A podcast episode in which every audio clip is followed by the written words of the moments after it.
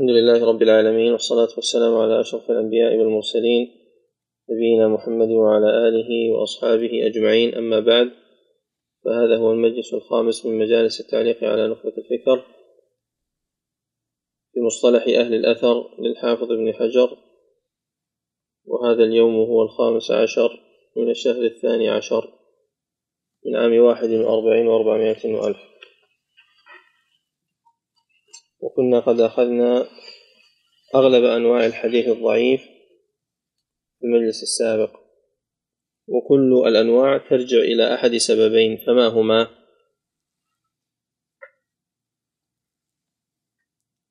نعم تفضل. قول ابن حجر ورد إما يكون في الإسناد أو سقط أو الطعن أحسنت. ترجع إلى السقط أو الطعن. والطعن ينقسم إلى كم سبب؟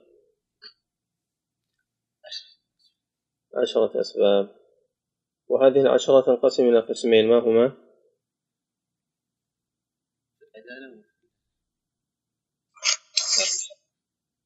نعم تفضل في أحد عنده جواب؟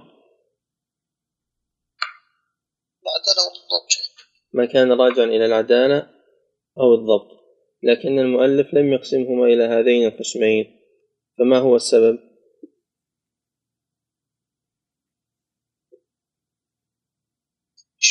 الاعتناء بالترتيب والترقي من الأقل إلى الأعلى. أحسنت. لأنه راعى الترتيب بحسب الضعف.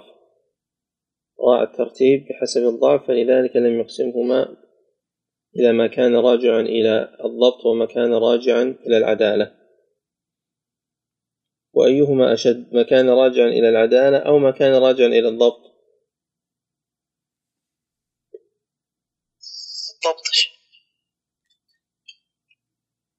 آه، لا يوجد لا يوجد إطلاق الصواب أنه لا يوجد إطلاق لأن بعض ما كان راجعا إلى الضبط أشد. لكن إذا أردنا أن ننظر إليه بإطلاق فالأشد من هذه الأنواع العشرة هو ما كان راجعا إلى العدالة وهو الكذب على النبي صلى الله عليه وسلم. هذا يخرم العدالة.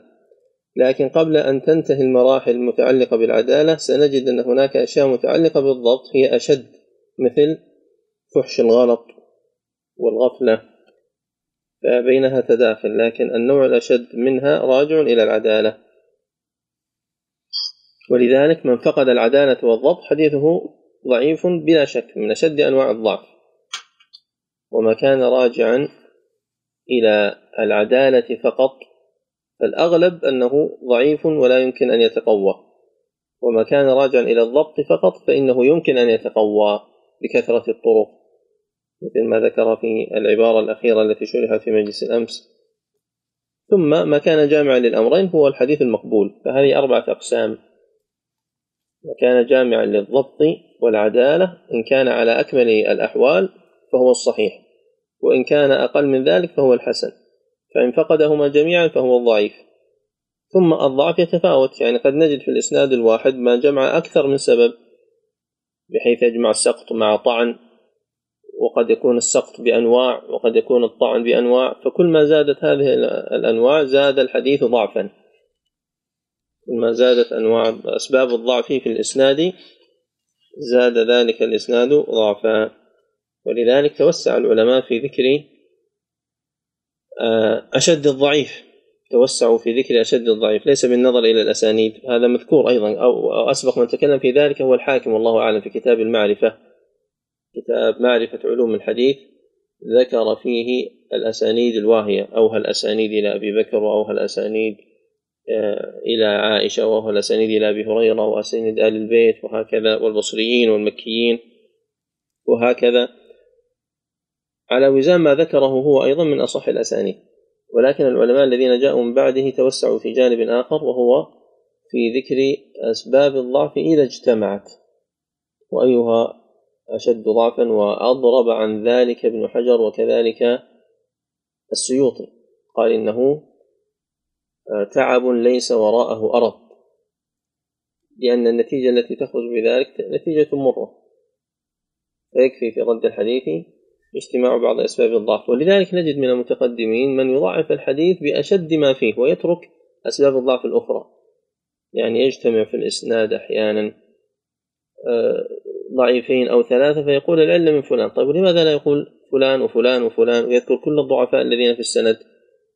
لأن الحمل أصبح على هذا الذي هو أشدهم ضعفا هو الذي اخترع هذا الحديث فكذبه ووضعه.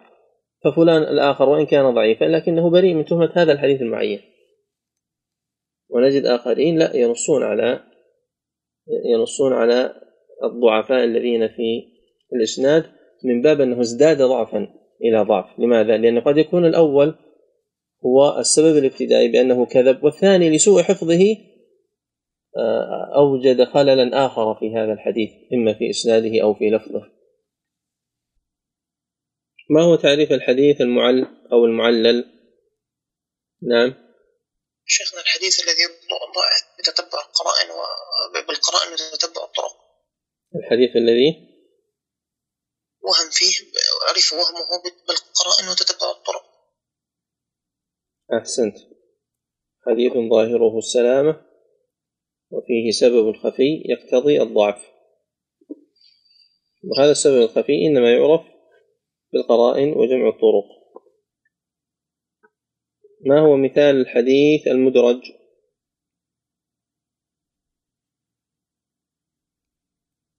نعم حديث هريرة نعم أسفل ويلعق به النار لا أسفل الوضوء نعم. مثال آخر.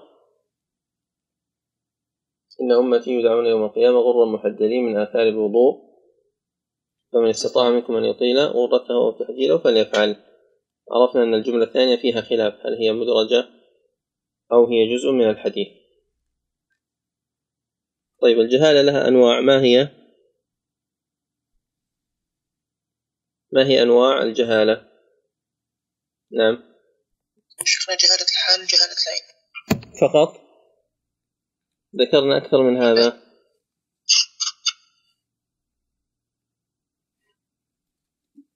نعم والإبهام والإهمال أحسنت إذا ما الفرق بين هذه الأربعة؟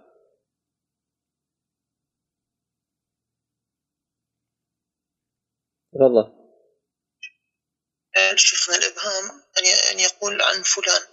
إن لا يذكر اسمه. أحسنت.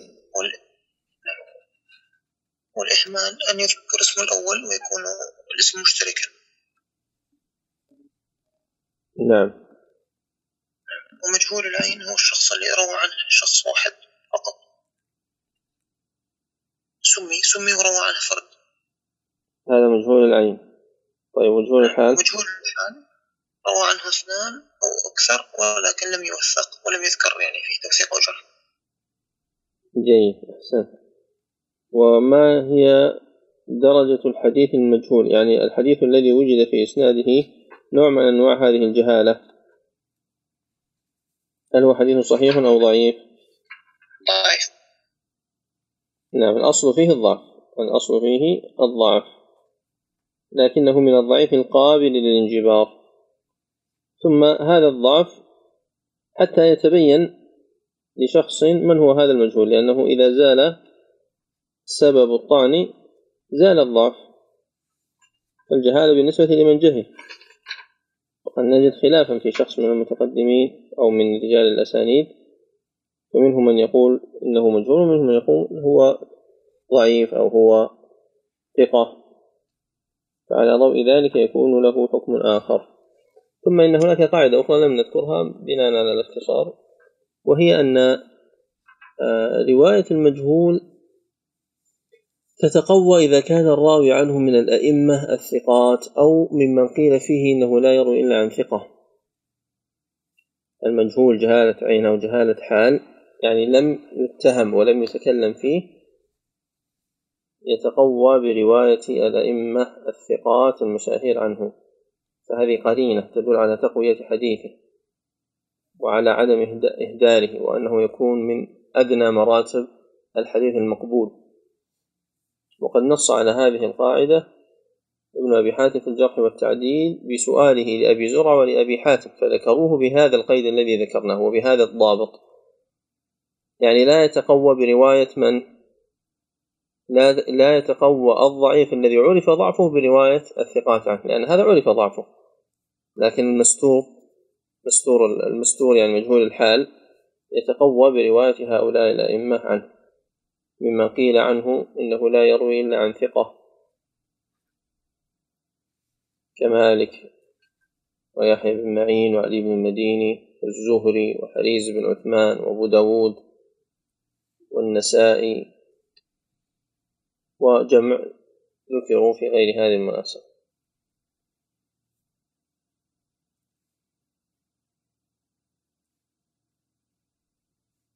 نعم تريدون نذكر أسماءهم ولا ما لدي فائدة شيخنا أحمد منهم. نعم أحمد منهم. أحمد من قيل عنه لا يروي إلا ثقة. واللي في المسند يا شيخ كل شيوخ ثقات اللي في المسند. هذه القاعدة مثل ما ذكرنا قاعدة أغلبية أو إن لم نذكر فنذكرها الآن. هذه قاعدة أغلبية لأن كل واحد من هؤلاء وجد في شيوخه وجد في شيوخه أن القليل ممن تكلم فيه. يعني مثلا أولا مالك. مالك مشهور بأنه لا يروي إلا عن ثقة وأن رجال الموطأ ثقات. لكن مع ذلك تجد في الموطأ عاصم بن عبيد الله وهو ضعيف وعبد الكريم بن أبي المخارق وهو ضعيف. لكنه لم يروي عنهم إلا الشيء القليل النادر. المثال الثاني آه، أحمد بن حنبل روى عن أناس بناء على أنهم ثقات عنده ولكنهم ضعفاء عند غيره. لذلك في المسند عندما ذكروا نصر بن باب قال إنه قال له عبد الله إنه ضعيف أو عبارة نحوها آه، عفوا قال إنه كذاب نصر بن باب كذاب قال كذاب أستغفر الله وإنما كان يحدث عن فلان وإنما أخذوا عليه أنه يحدث عن فلان وهو من أهل بلده فليس ببعيد أن يكون قد حدث عنه. بقية بن مخلد ما أعرف أن فيه استدراك عليه. حريز حريز نفسه متكلم فيه لأنه ناصبي. رابعا سليمان بن حرب. خامسا شعبة. وشعبة مع أنه قرين للثوري إلا أنه امتاز عن الثوري بذلك. الثوري يروي عن كل أحد لكن شعبة لا يروي غالبا إلا عن ثقة. ومع ذلك الاستثناءات الواردة على حديث شعبة أنه روى عن ثوير بن أبي فاختة وروى عن جابر الجعفي وروى عن حسين بن عمران الجهني وروى عن داود بن الزبرقان وكل هؤلاء من الضعفاء. وعن شرقي بن قطامي شرقي بن قطامي أبا زرع عندما سأله ابن أبي حاتم عن رواية الثقات عن رجل هل هذا مما يقوي حديثه؟ قال إي لعمري. فاستدرك الآن استدراك قلت الكلبي روى عنه الثوري. يعني لو أردنا أن نطبق القاعدة سيقوى الكلبي. ومشهور محمد بن سائب الكلبي مشهور بالضعف الشديد. أبو النضر والد هشام. فقال أبو زرعة إنما ذلك إذا لم يتكلم فيه العلماء. وكان الكلبي ممن تكلم فيه. الشعبي ممن ذكر عنه هذه القاعدة أنه لا يروي إلا عن ثقة. بشرط أن يسميه إذا كان مبهما فإن هذا لا يفيد. عبد الرحمن بن مهدي كذلك مع روايته عن خارجة بن مصعب. يعني أن هذا مما يستثنى لأنهم قالوا غالبا. غالبا يروون عن ثقات فقط. فكل واحد منهم يعرف من الذي يستثنى من شيوخه لأنه معروف بالضعف لتسلم القاعدة في من عداه مثلا يحيى بن سعيد القطان مما قيل عنه ذلك. منصور بن المعتمر يحيى بن أبي كثير عمرو بن دينار قال عنه أحمد لا يروي إلا عن ثقة. إسماعيل بن أبي خالد. أبو داود مشهور بذلك كما في ترجمته. والبخاري ومسلم بن معين وابن المديني. والنسائي ومن آخرهم ابن وضاح. هؤلاء بضع وعشرين نفسا.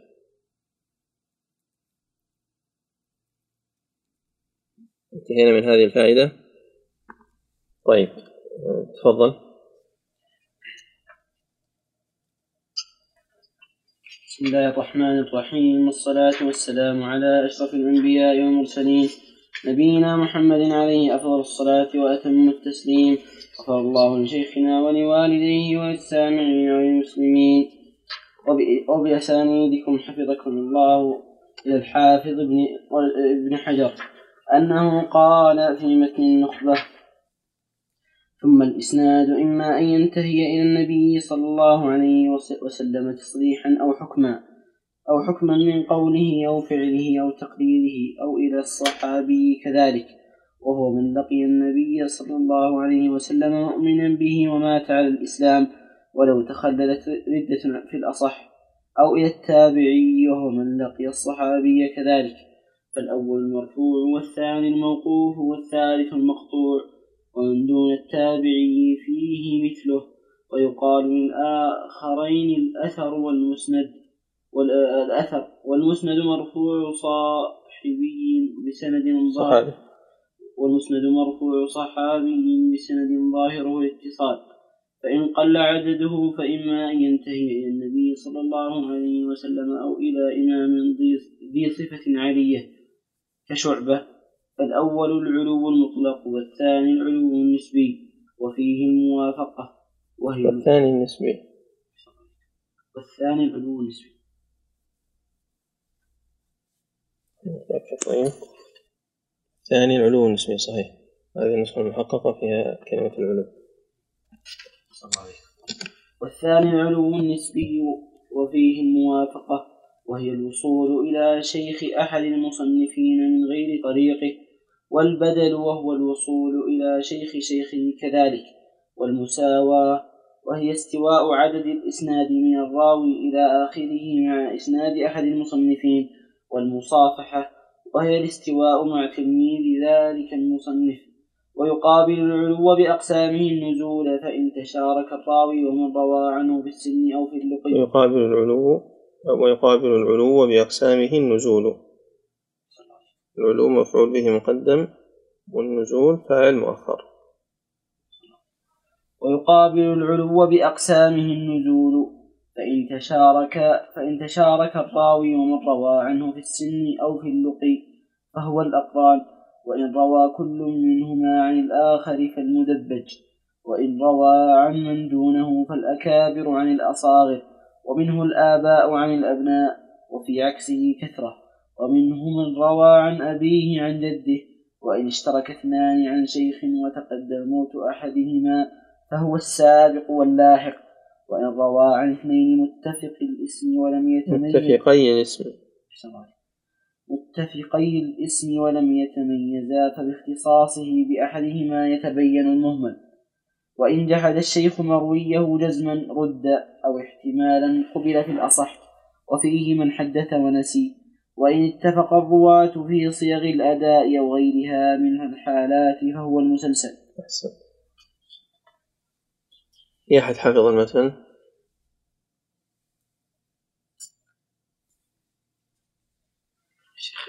يعني ليس إلى ما الحفظ؟ أنا أوصيكم جميعا بأن تحفظوا. أوصيكم جميعا بحفظ هذا المتن لأنه متن سهل وواضح وستستفيدون كثيرا من حفظه إن شاء الله.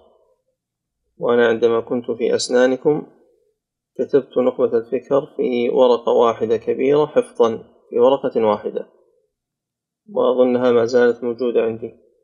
وقد وصلنا عند قوله ثم الإسناد. فما سبق كله تقسيم للحديث من حيث القبول أو الرد. في البداية من حيث تعدد الطرق ثم بعد ذلك من حيث القبول أو الرد وتوسع في ذلك لكثرة أنواع الحديث الضعيف. ودخل في ذلك بعض مباحث من تقبل روايته ومن ترد. قال ثم الإسناد. هل هناك فرق بين الإسناد والسند؟ في استعمال العلماء لا يوجد فرق فيطلقون الإسناد على السند والسند على الإسناد كلاهما بمعنى اسم المفعول يعني ما أسند. وأما إذا أردنا أن نفصل من حيث دلالة اللفظ لغويا أو نحويا فإن الإسناد هو فعل الشخص المسند الذي أسند الحديث ففعله إسناد. ثم ما يذكره من سلسلة الرواة هو السند. وأما اصطلاحا فالإسناد هو الإسناد أو السند هو سلسلة الرواة إلى منتهى الكلام. والمتن هو ما ينتهي إليه السند. عندما يقول بعض العلماء إن المتن هو ما ينتهي إليه السند والسند هو الطريق الموصل إلى المتن. أليس في ذلك ما يسمى بالدور؟ يعني فهمك للمتن مترتب على فهمك للسند ثم إذا أردت أن تفهم السند فهمك له مترتب على فهمك للمتن. لأنه استعمل كلمة المتن في تعريف السند وكلمة السند في تعريف المتن فتوقف فهم أحدهما على الآخر. بل توقف فهم كل منهما على الآخر. ولذلك يتخلص من ذلك بإبدال كلمة المتن في تعريف الإسناد بالكلام الكلام الذي ينتهي السند إليه. فتقول سلسلة الرواة الذين ينقلون الكلام أو الناقلين للكلام. كقولك مالك عن نافع عن ابن عمر وكقولك أبو الزناد عن الأعرج عن أبي هريرة إبراهيم النخعي عن علقمة عن ابن مسعود وهكذا. ثم الإسناد إما أن ينتهي إلى النبي صلى الله عليه وسلم تصريحا أو حكما من قوله أو فعله أو تقريره. إذا هذا التقسيم من أي حيثية؟ من حيث منتهى السند. إلى من ينتهي السند؟ هل ينتهي إلى النبي صلى الله عليه وسلم أو ينتهي إلى الصحابي أو ينتهي إلى التابعي؟ فالأول المرفوع. الأول وهو انتهاؤه إلى النبي صلى الله عليه وسلم هو المرفوع. وهذه تسمية متقدمة. فلذلك يقال عن فلان رفعه. عن فلان من الصحابة رفعه أي نسبه إلى النبي صلى الله عليه وسلم. لأن مقامه مرفوع ومرتفع. وهذا يشمل مكان من قوله مثل إنما الأعمال بالنيات. بني الإسلام على خمس. ليس الخبر كالمعاينة. الآن حمي الوطيس البينة على المدعي. الولد للفراش وللعاهر الحجر. كل هذه من أقواله صلى الله عليه وسلم الثابتة عنه. أو فعله. كقول ابن عمر إن النبي صلى الله عليه وسلم كان إذا قام إلى الصلاة رفع يديه حذو منكبيه وكبر وإذا ركع فعل مثل ذلك وإذا رفع فعل مثل ذلك. ومثل أن النبي صلى الله عليه وسلم رمى جمرة العقبة أن النبي صلى الله عليه وسلم رمى الجمرة في يوم الأضحى ضحى وأما بعد ذلك فإذا زالت الشمس. كما في حديث جابر. ومثل من أفعاله أن النبي صلى الله عليه وسلم شرب قائما. وأيضا من أفعاله من يعطينا مثال. أن النبي صلى الله عليه وسلم كان إذا اضطجع جعل كفه اليمنى تحت خده. اضطجع على شقه الأيمن وجعل كفه تحت خده. إلى غير ذلك من أفعاله صلى الله عليه وسلم فهذا شامل لما كان صحيحا وما كان ضعيفا وما كان حسنا من قوله أو من فعله. وكذلك التقرير. ومن أمثلة التقرير أن الضب أكل على مائدته صلى الله عليه وسلم كما كان ابن عباس وخالد بن الوليد.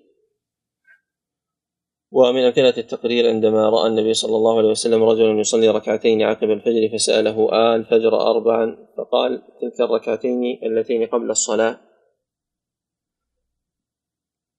على القول بصحة الحديث.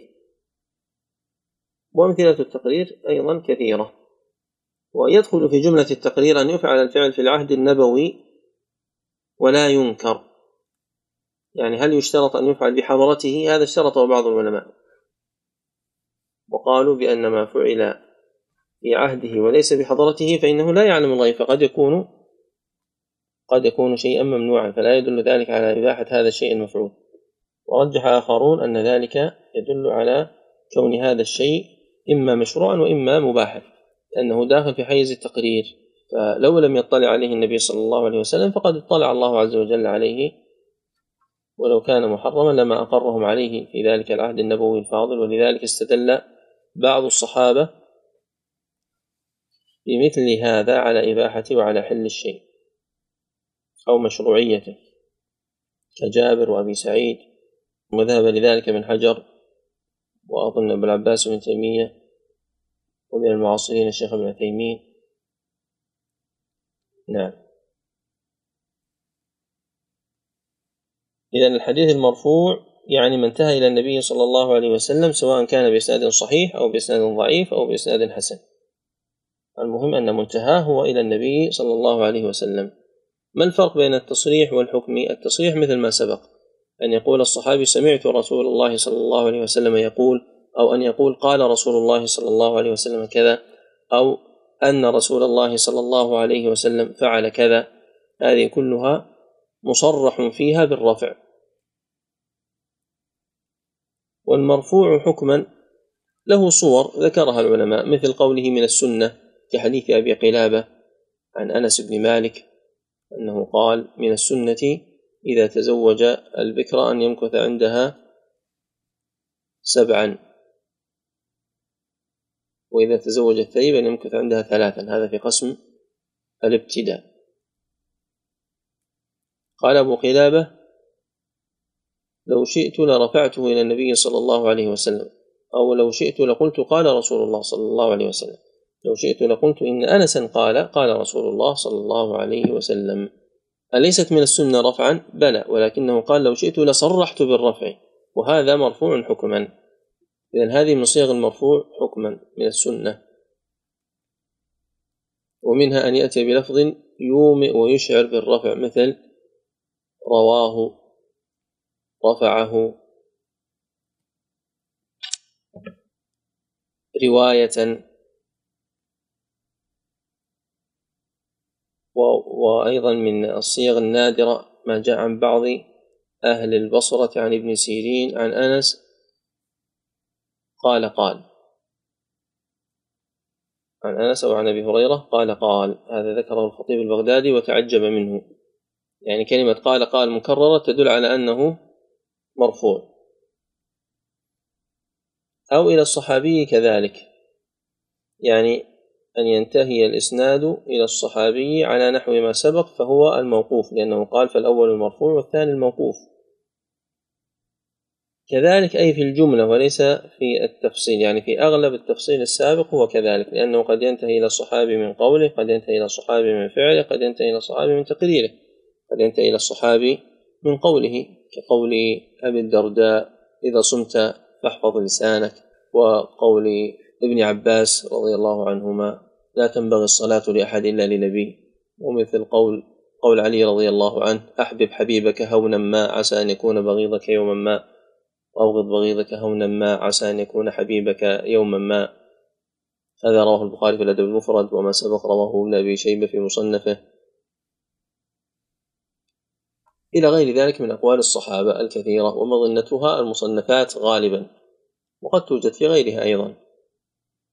ومثل ما سبق معنا قول ابن عباس الإسلام يعلو ولا يعلى عليه كما رواه البخاري معلقا. ومن فعله مثل أن ابن عمر رضي الله عنهما كان إذا دخل المسجد دخل بيمينه وإذا خرج خرج بشماله كما رواه البخاري معلقا. وأن ابن عمر كان يصلي نافلة النهار أربعا أي بتسليمة. والإقرار هو أن يفعل الشيء بين يدي الصحابي ولا ينكر.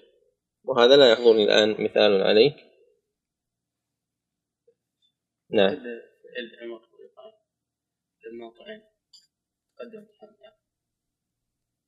نعم. يقول أبو عبد الله أن عبد الرحمن بن عوف أما الناس عندما طعن عمر رضي الله عنه. هذا يكون مثال على الإقرار. شيخنا؟ نعم. آه إنشاد حسان الشعب في المسجد النبوي. نعم هذا مثال على إقرار النبي صلى الله عليه وسلم لحسان. ثم أنكر يوم مر عليه. لما أنكر عليه عمر ذكر له الحديث المعروف. قد كنت أنشد فيه من هو خير منك. كما في الصحيح.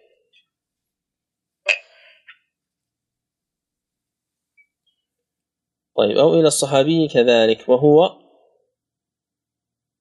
هذا تعريف للصحابي. من لقي النبي صلى الله عليه وسلم مؤمنا به ومات على الإسلام ولو تخللت ردة في الأصح. قوله من لقي أولا البحث في الصحابة هذا من مباحث علوم الحديث فيتوسعون في ذكر الصحابي وتعريفه ومن يعد من الصحابة وبعض العلوم المتعلقة بالصحبة وآخر من مات من الصحابة.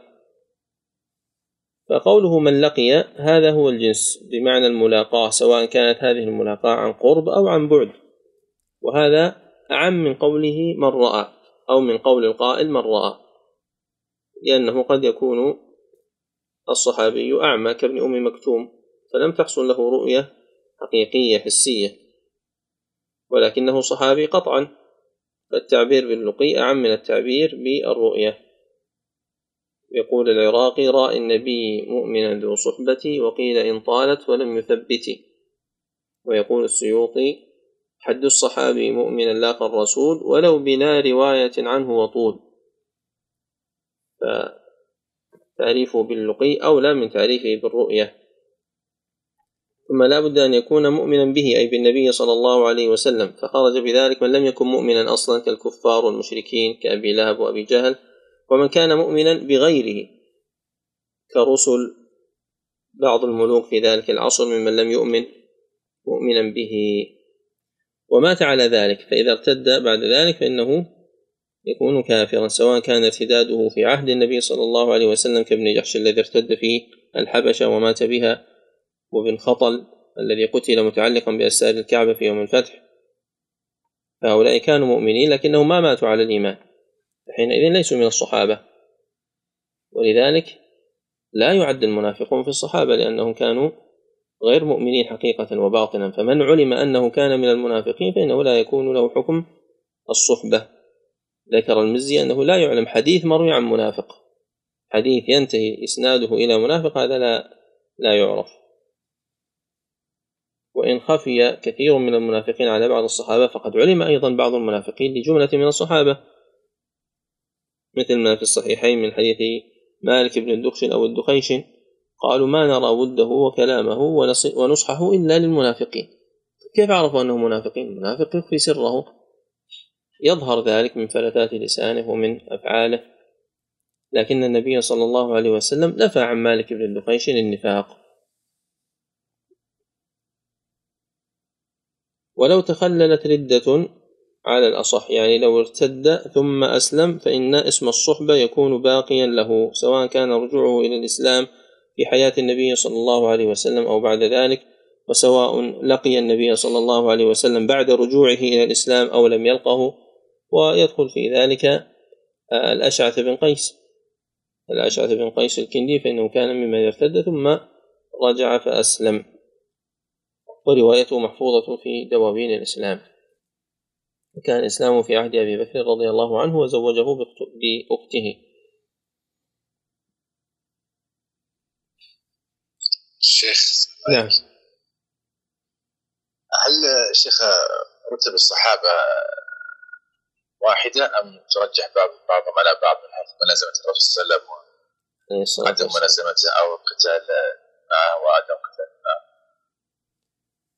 نعم. قال الله تعالى لا يستوي منكم من أسلم من قبل الفتح وقاتل أولئك أعظم درجة من الذين أسلموا بعد وقاتلوا.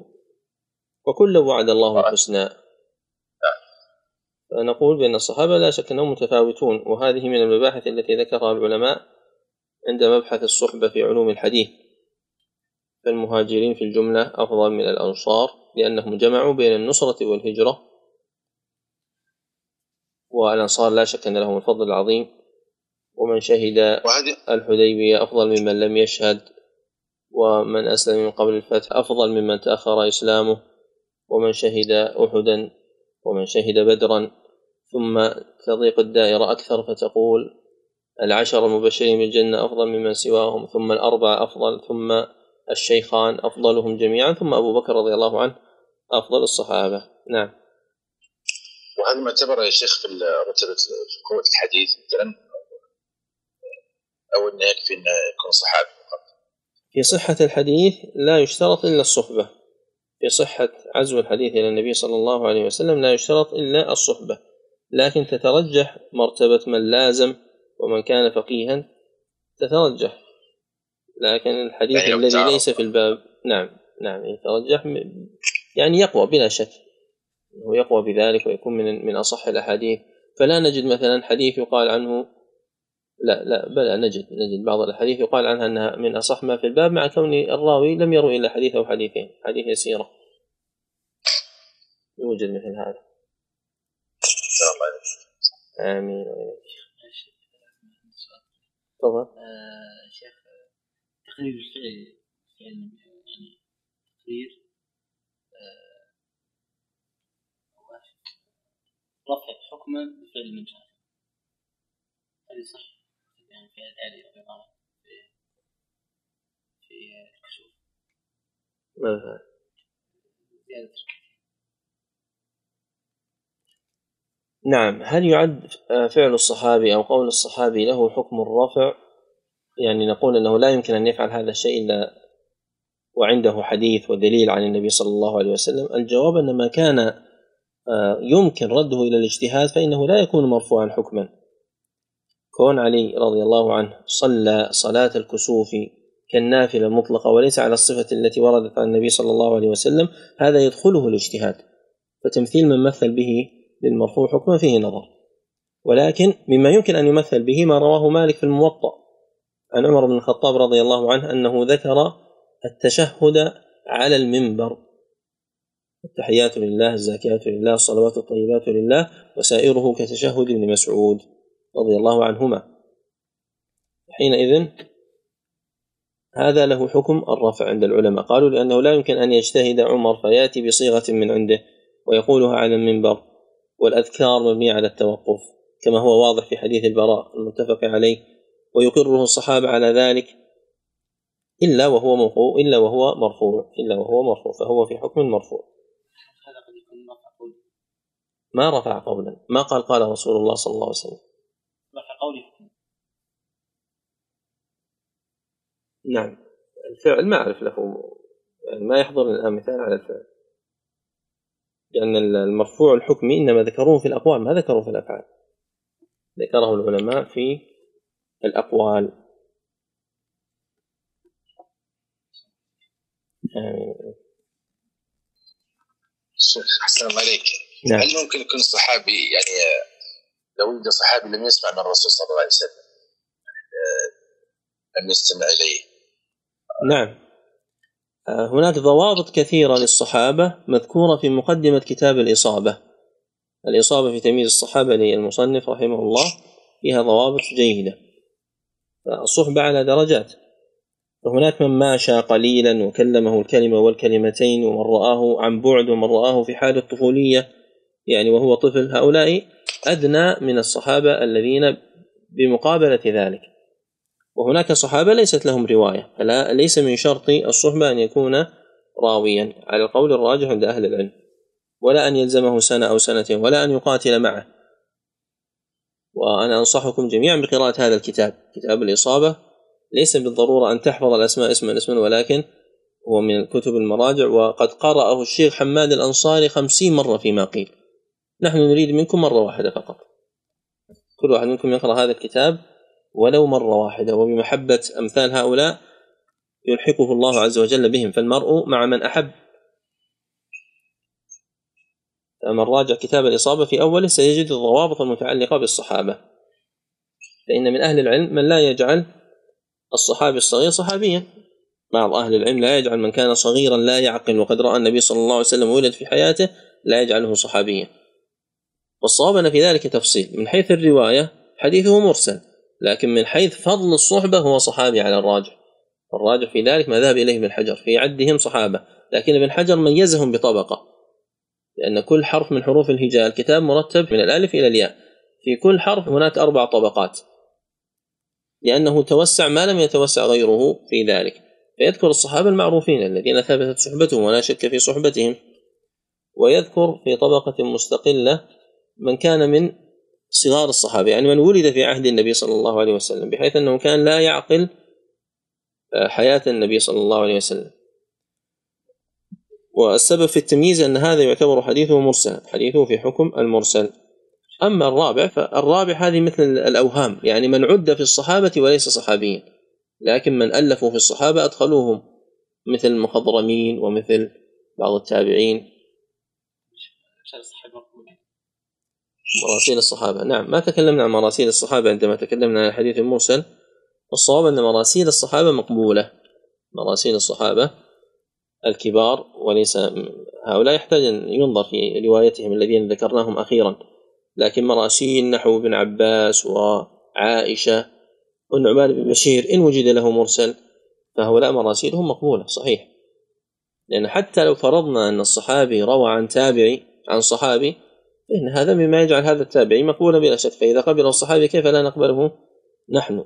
فهذا يختلف عما لو قال من دون الصحابي حدثني الثقة. يختلف. لأنه في الغالب أصلا أن الصحابي لا يرسل إلا عن صحابي. مرسل الصحابي الصغير في نظرنا. مرسل الصحابي الصغير هذا ينظر فيه. الصحابي الذي له فضل الصحبة وليس ليس المقصود بالصحابي الصغير. وإن العلماء يميزون بينهما بلفظ ويقولون له رؤية. له رؤية أو له إدراك معناه أنه كان صغيرا. وأما صحابي صغير فهذا في من كان يعقل لكنه كان صغيرا في السن. ثم صحابي هذا الصحابي المطلق. الذين ذكرناهم قبل قليل ممن كان طفلا في عهد النبي صلى الله عليه وسلم يقولون له رؤية. وقد ذكر ابن حجر أظن عن الحاكم في المستدرك في مقدمة الإصابة أنهم كانوا يحملون صبيانهم إلى النبي صلى الله عليه وسلم فجعل ذلك قاعدة. أن كل من ثبت أن ميلاده كان قبل وفاة النبي صلى الله عليه وسلم فيكون قد رآه ما دام في محيط المدينة لأنهم كانوا لا يولد لهم صبي إلا ويحملونه إلى النبي صلى الله عليه وسلم. إذا تجد أن هذه قاعدة أغلبية بناء على هذا الأثر الذي يغلب على ظني أنه رواه الحاكم في المستدرك أو قال ابن أبي شيبة في المصنف. المهم أنه ذكره في مقدمة الإصابة وبنى عليه هذا الحكم. قال بعد ذلك ولو تخللت ردة في الأصح أو إلى التابعي وهو من لقي الصحابي كذلك. نعم من لقي الصحابي كذلك يقال فيه مثل ذلك. يعني من لقي الصحابي مؤمنا بالنبي صلى الله عليه وسلم ومات على الإسلام. ولو تخللت ردة بالأصح وهؤلاء هم أهل القرون المفضلة الذين فضلهم النبي صلى الله عليه وسلم. والتابعيون على أقسام أيضا مثل ما أن الصحابة على طبقات فالتابعون أيضا على طبقات فمنهم المخضرمون الذين أدركوا الجاهلية والإسلام كأبي عثمان عبد الرحمن بن مل وعلقمة ونحو شريح بن هانئ وغير هؤلاء. سويد بن غفلة. نعم. ما منكم يذكر؟ تابعين مخضرمين. أحسنت ويس القرني خير التابعين سيد التابعين. وهناك تابعون ولدوا في عهد الصحابة. تابعون ولدوا في عهد الصحابة.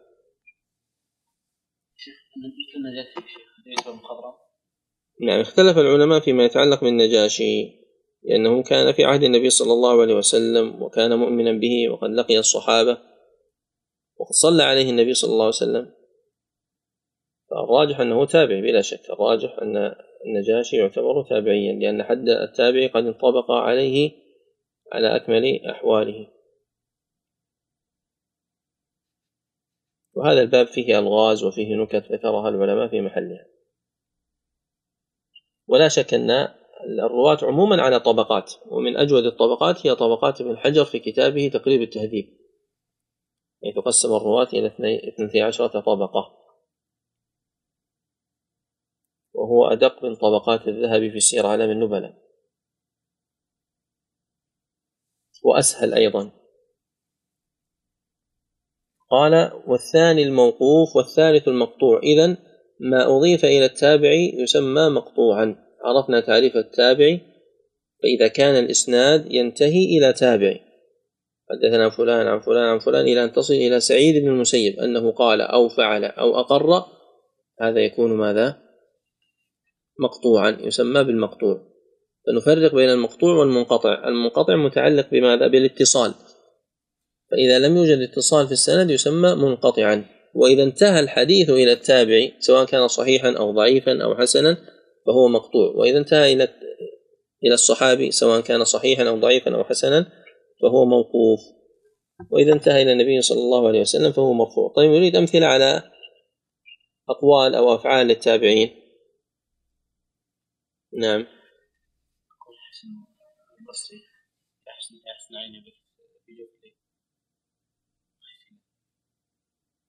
جيد. هذا من رواه.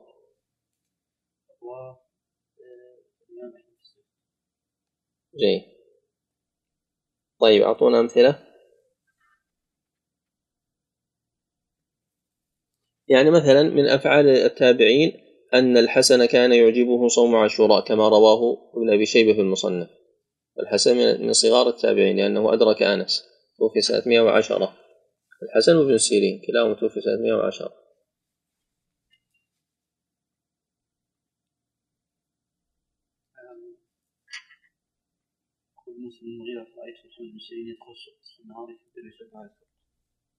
أحسنت هذا أيضا من الآثار الفعلية المقطوعة. قال بعد ذلك ويقال للأخيرين الأثر يعني يقال لما كان موقوفا وما كان مقطوعا الأثر تمييزا له عن الحديث فإذا قيل الحديث فهو المرفوع وإذا قيل الأثر فهو ما هذان.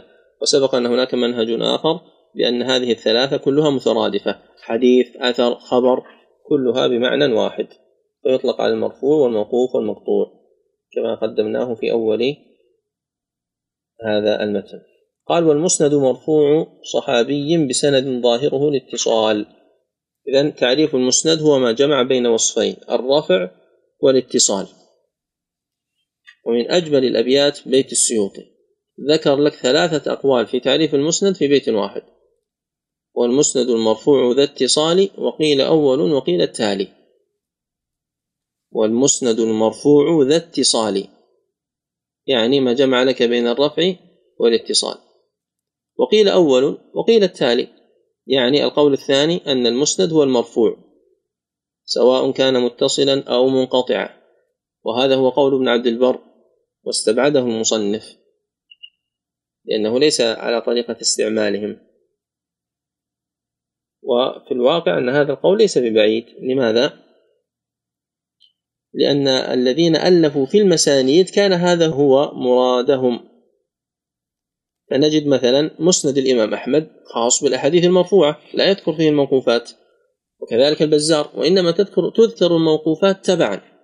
كذلك مسند أبي يعلى في مرفوعات فيه موقوف في وكذلك مسند أبي يعلى فيه موقوفات كثير قليلة فيه موقوفات قليلة ذكرت تبعا وإلا فالأصل أنه في المرفوع. فإذا قيل مسند جابر مسند ابن عمر مسند ابن عباس يعني الأحاديث المرفوعة من طريق جابر ومن طريق ابن عمر ومن طريق ابن عباس وهكذا.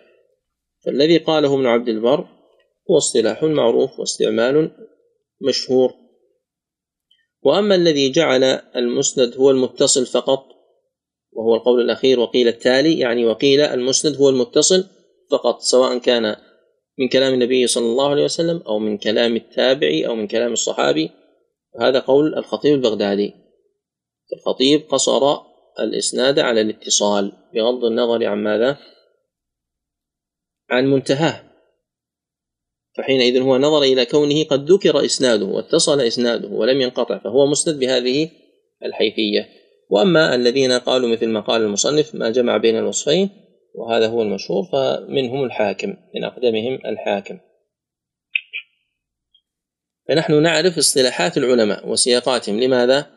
لأن قد نجد كلمة المسند في سياق آخر ليس بهذا المعنى. لا نقول أخطأ وإنما المراد بالمسند ما كان كذا وكذا.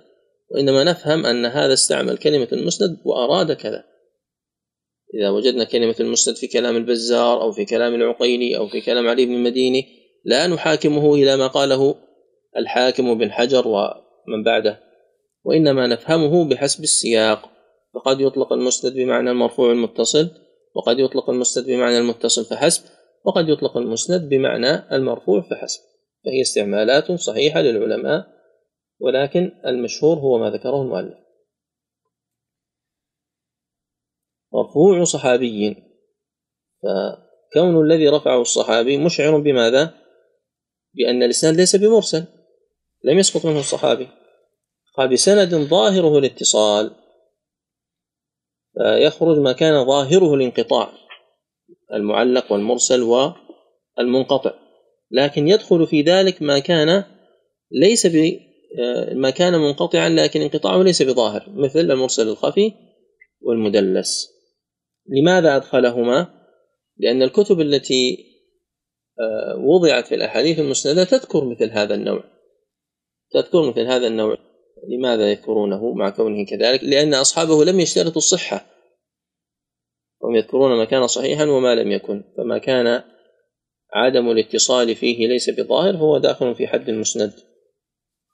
ثم تكلم بعد ذلك عن مسألة العلو والنزول وهي من أهم المباحث. وتتصل إلى عصرنا هذا. قال فإن قل عدده فإما أن ينتهي إلى النبي صلى الله عليه وسلم أو إلى إمام ذي صفة علية كشعبة. فالأول العلو المطلق والثاني العلو النسبي. إذا ما تعرف العلو المطلق؟ هو قلة الوسائط في الإسناد إلى النبي صلى الله عليه وسلم. فإذا اتفق مع ذلك أن يكون صحيحا فهو الأفضل والأكمل. لماذا؟ لأنه قد يكون عاليا ضعيفا. والقسم الثاني هو أن يكون العلو نسبيا.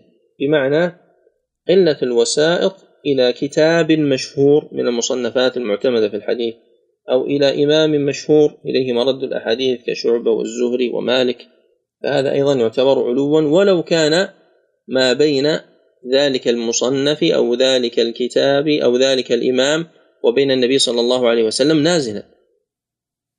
يعني وصل إنسان إلى النساء بسند رجاله قليلون تسعة عشر رجلا مثلا. ثم روى من من النساء إلى النبي صلى الله عليه وسلم حديثا فيه تسعة أنفس.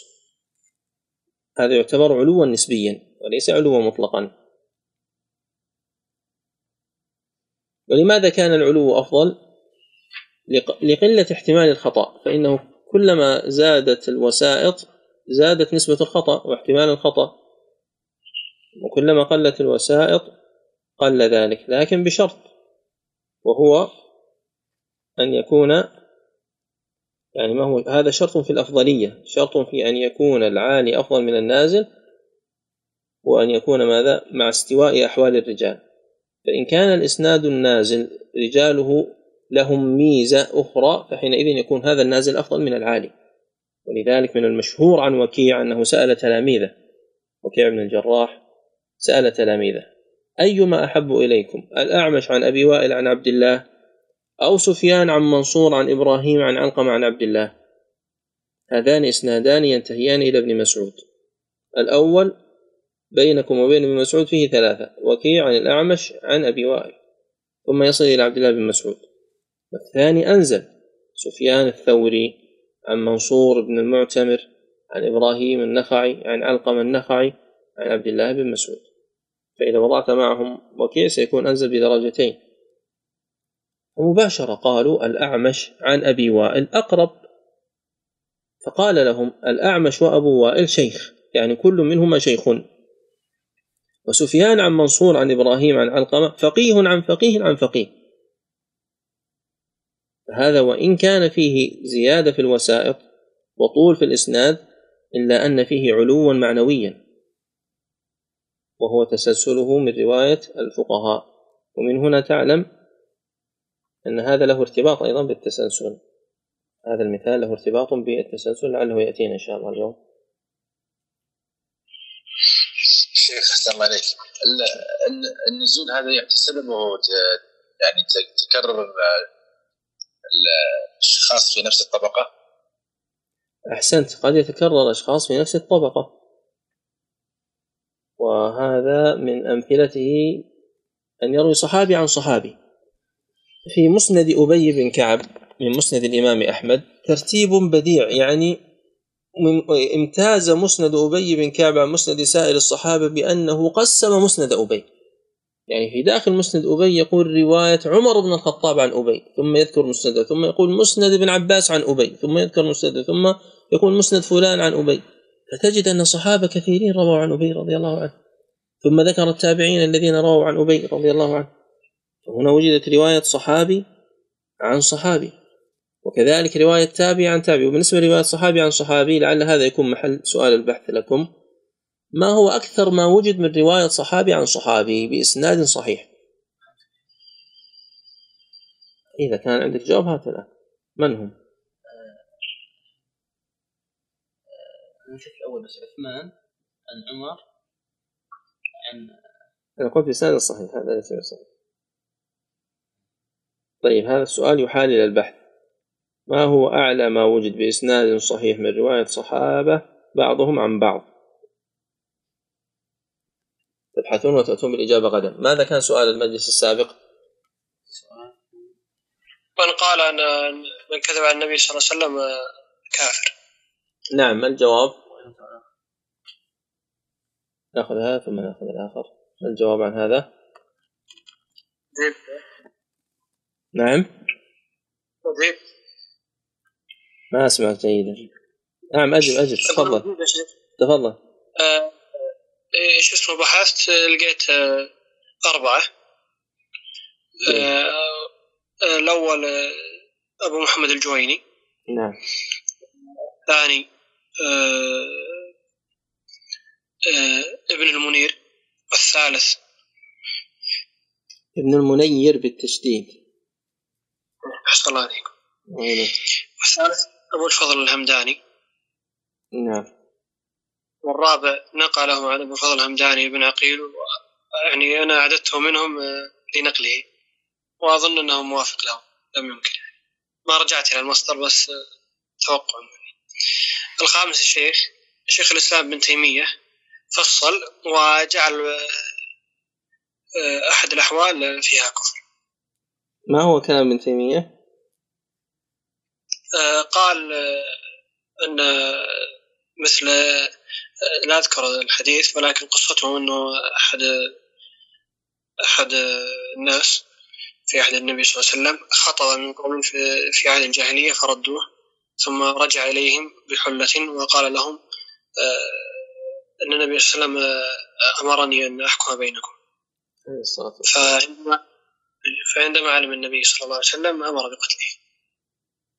جيد. نعم هذه القصة قد جاءت من أربعة طرق وقد رواها ابن عدي في الكامل وابن الجوزي بأسانيده في أول كتاب الموضوعات. ذكر هناك الأسانيد وهي موضحة ومفصلة وتكلمنا عنها في درس الألفية وبينا علل هذه الطرق. لكن أظن أن ابن تيمية إنما يقصد هذا الشخص بعينه ولا يقصد أن كل من كذب على النبي صلى الله عليه وسلم فهو كاذب كما قاله غيره. وأيضا ذكر ابن عقيل معهم فيه نظر لكن من ذكرت جيد بحثك جميل وإجابتك صحيحة. الله يعينكم الشيخ الذهبي شرط يحرم حلال أو حل حرام نعم بهذا الضابط. أين. ابن تيمية كان هذا في الكبائر للذهبي نعم. ابن تيمية له ثلاث ضوابط. تفضل؟ آه، إذا وجد أحدهما إذا وجد أحدها يعني. إذا كان مستهزئا. بالنبي صلى الله عليه وسلم. إذا كانت مشافهة. بإن شافه بأن هذا قول النبي صلى الله عليه وسلم. إذا كان مسندا وزعم صحته. أو ثبوت ويضاف إلى من ذكرتم من الجوزي وأيضا أحمد شاكر. الشيخ أحمد شاكر ممن قال بذلك. السؤال الثاني تفضل. أول من قاس جواز نقل الحديث بالمعنى على قص القرآن ترجمة على الترجمة أول من قال بجواز رواية الحديث بالمعنى قياسا على نقل الشريعة بلغة أخرى. على من نقل قص قص القرآن لأن القرآن قصه آه، كلام حسن مش تخلينه ما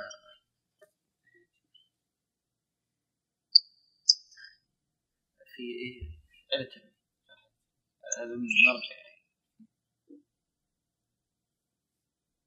نبغى نحتاج ننظر في اللفظ. على صحة الإجابة لعلك تأتي باللفظ حتى نستطيع أن نحكم على ذلك طيب.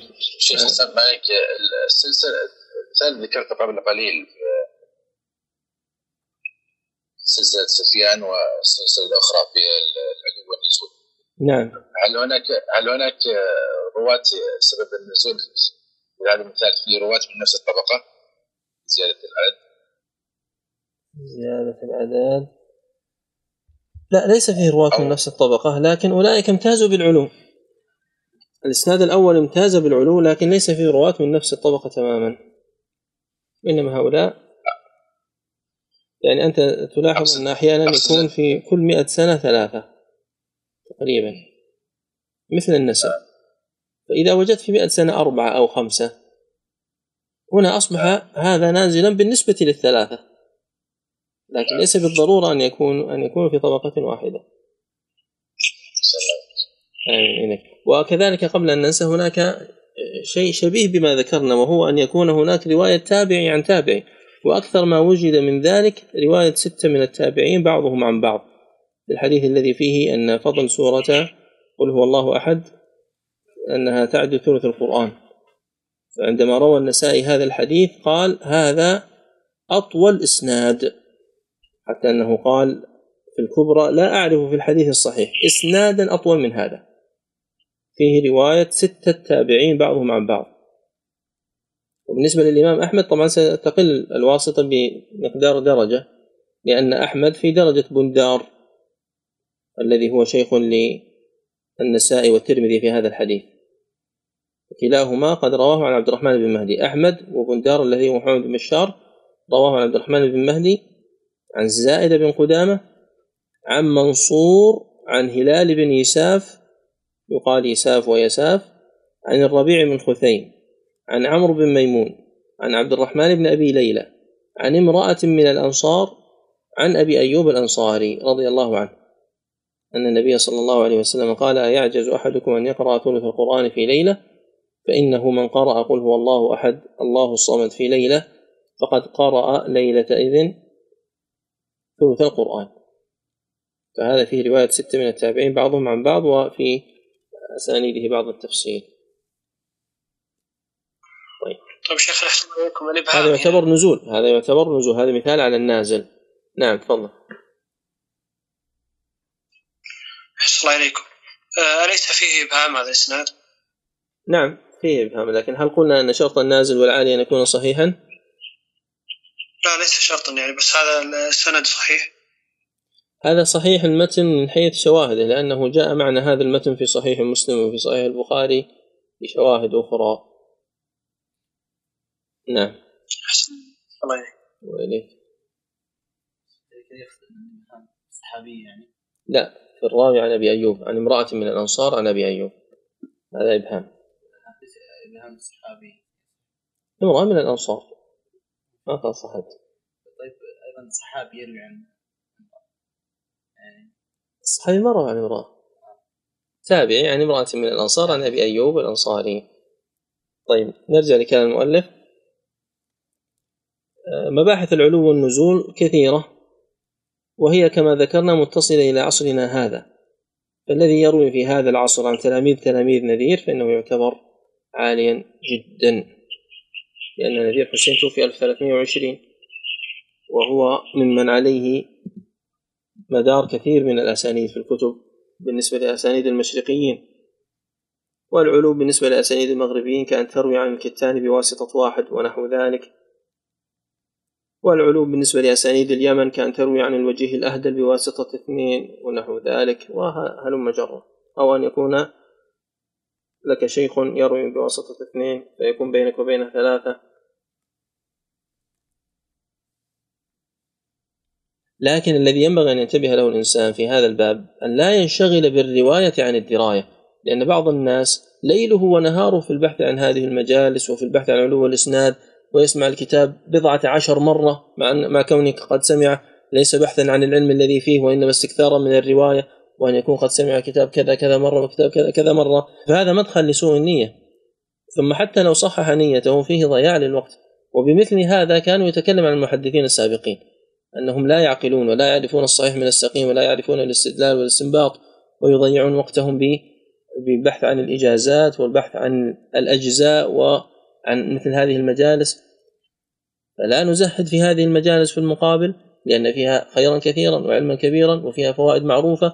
من كون الإنسان يتمكن من قراءة كتب السنة التي ما قرأها في حياته ويتمكن من من الانتهاء منها بينما لو قرأها لوحده لمكث زمنا طويلا ثم لم يختم هذه الكتب ويتعرف على ما فيها من العلم إلى غير ذلك من الفوائد ويحصل على ماذا؟ على الرواية. يتمكن من الرواية لأنه لو قرأ الكتاب في بيته مئة مرة لا يستطيع أن ينقله إلى أحد. ينقطع الإسناد عنده. لكن لو حصل على طريقة من طرق التحمل التي ستأتينا ومنها القراءة على الشيخ أو السماع من لفظ الشيخ حينئذ يكون الكتاب يمكن أن يتصل من طريقه. يمكن أن يتصل من طريقه فيكون عند الإنسان توسط في هذا الباب. لا إفراط ولا تفريط ولا غلو ولا جفاء. قال بعد ذلك والثاني العلو النسبي وفيه يعني في العلو النسبي الموافقة والبدل والمساواة والمصافحة. هذه أربعة أنواع من أنواع العلو النسبي.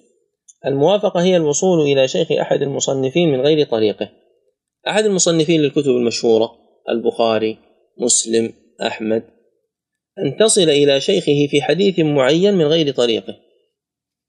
يروي مسلم حديثا عن قتيبة عن مالك بإسناده.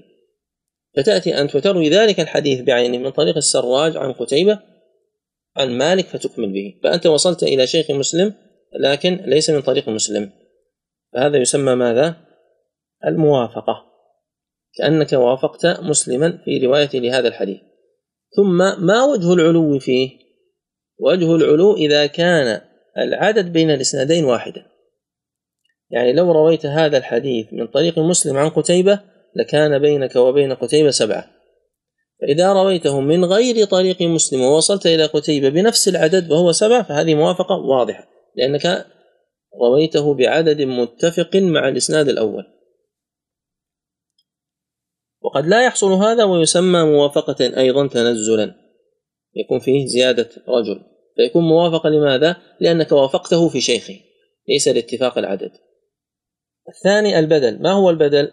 البدل هو الوصول إلى شيخ شيخه كذلك. يعني في المثال السابق لو تمكنت من الوصول إلى مالك من غير طريق قتيبة الذي هو شيخ مسلم في ذلك الحديث فهذا يعتبر بدلا. يعني استبدلت شيخ مسلم بشيخ آخر أوصلك إلى شيخ شيخه. كأن ترويه من طريق القعنبي عن عن مالك. أو عبد الله بن يوسف عن مالك. أو ابن أبي أويس عن مالك. وكيف تصل إليه من غير طريقه؟ كأن يكون هذا الإسناد الآخر الذي يوصلك إلى مالك موجود عند الترمذي مثلا أو موجود في المسند أو موجود في إحدى الموطئات فأنت بذلك تكون رويت الحديث بدلا بالنسبة لمن؟ بالنسبة لطريق مسلم. مسلم عن قتيبة عن مالك. قال والمساواة وهي استواء عدد الإسناد من الراوي إلى آخره مع إسناد أحد المصنفين. وهذا لا يتأتى في عصرنا إطلاقا. إلا أن يكون المصنف أيضا معاصرا. تأتي مصنف معاصر ويضع إسناد أو يكتب بالأصح إسنادا إلى النبي صلى الله عليه وسلم ممكن أن تستوي معه. أما مع المصنفات المتقدمة المشهورة وهي المراد عند الإطلاق هنا إن هذا لا يمكن في عصرنا. وإنما يمكن هذا عندما يروي أصحاب المصنفات بنزول كالحديث السابق. إذا رواه النسائي بنزول بينه وبين النبي صلى الله عليه وسلم عشرة يتأتى لمن كان قريبا أن يروي ذلك الحديث في طريق آخر فيه علو. علو بالنسبة له. ولذلك عندما قال أحدهم إن هذا الحديث عالي قال بل هو بالنسبة للبخاري نازل. يعني ما تمكنت أنت أن تعلو فيه إلا لما نزل ذلك المصنف فيه. وإلا لو لم ينزل وهو أراد أن يختار طريقا عاليا لقطع عليك الطريق ولما حصل الاستواء. وهذا كثير في كتابين ما هما؟ من يعرف؟ هذه الأربعة كلها موافقة والبدل. أحسنت تهذيب الكمال. والثاني معاصر له. كتاب تهذيب الكمال للمزي من أوسع الأمثلة على هذه الأربعة لمن أراد أن يراجعها. فإنه يذكر الحديث الموجود في الكتب الستة من غير طريقة ثم يقول ووافقناه بعلو. ووافقناه بعلو ونحو ذلك. والكتاب الثاني هو كتاب سير أعلام النبلاء للذهبي. فإنه يحرص في ترجمة كل راوي تقريبا ليس ليس باللزوم لازم في كل ترجمة. وإنه وإنما غالبا لا تخلو ترجمة الراوي الذي له رواية من أن يروي حديثا عن طريقه. وأحيانا يقول وافقناه ونحو ذلك من العبارات التي تدل على استعمال لهذه الطرق التي فيها العلو النسبي. فوقع لنا موافقة وقع لنا بدلا وصافحناه ووقع لنا مصافحة ونحو ذلك. وكانت هذه الحركة تغضب شخص وألف كتابا تكلم فيه على المزي. وأنه كل ما قرأ هذه الأسانيد يرتفع ضغطه ويغضب جدا وهو مغلطاي. ولكن لا عتب على المزي ولا على الذهبي فإن هذه طريقة المحدثين المعروفة وفيما ذكروه من الأسانيد فوائد. قال ويقابل العلو بأقسامه النزول فيكون عندنا نزول مطلق وهو كثرة الوسائط إلى النبي صلى الله عليه وسلم ويكون عندنا نزول نسبي وهي كثرة الوسائط إلى إمام مشهور أو إلى مصنف من أصحاب المصنفات المشهورة. فإن تشارك الراوي ومن روى عنه في السن أو في اللقي فهو الأقران. أن يعني يكون الراوي ومن روى عنه مشتركان في الطبقة. والطبقة معناها السن أو اللقي يعني للمشايخ والرواية عن المشايخ مثل من ومن الذين كانا فرسي رهان من شيوخ أصحاب الكتب الستة. كانا كفرسي رهان من هما؟ يعني جاوب عن السؤال أولا. ثم ناخذ مثالك؟ من؟ نعم الثوري وشعبة أقران بلا شك لكن المقصود هنا محمد بن المثنى ومحمد بن بشار. فقد اشتركا في سنة الوفاة. كل منهما توفي سنة 252 وفي السن وفي كون كل منهما شيخا لأصحاب الكتب الستة. واشتركا في أغلب الشيوخ. واشتركا في المصر كلاهما بصري. هذه خمسة أشياء اشترك فيها. حتى قيل في ترجمتهما كان كفرسي رهان وبالمناسبة من هم شيوخ أصحاب الكتب الستة؟ هناك تسعة من المشايخ يروي عنهم أصحاب الكتب الستة مباشرة. لا نقصد من روى عنه الجماعة. من روى عنه الجماعة جمع كبير. وإنما هؤلاء يروون عنهم بلا واسطة.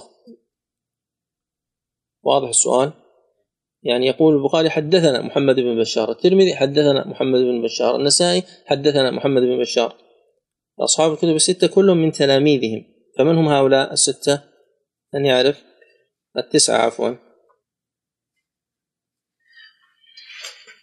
طيب سجلوا عندكم واحفظوهم. بندار ابن المثنى الجهضمي أبو بندار ابن المثنى الجهضمي أبو سعيد عمرو وقيسي وحساني. يعقوب والعنبري الجوهري هم. يعقوب والعنبري الجوهري هم. مشايخ الستة فاعرفهم بإحسان بندار بن المثنى الجهضمي أبو. بندار هو محمد بن بشار البصري. توفي سنة 252 وابن المثنى محمد بن المثنى الزمن أبو موسى العنزي. توفي سنة 252 ذكرناهما قبل قليل.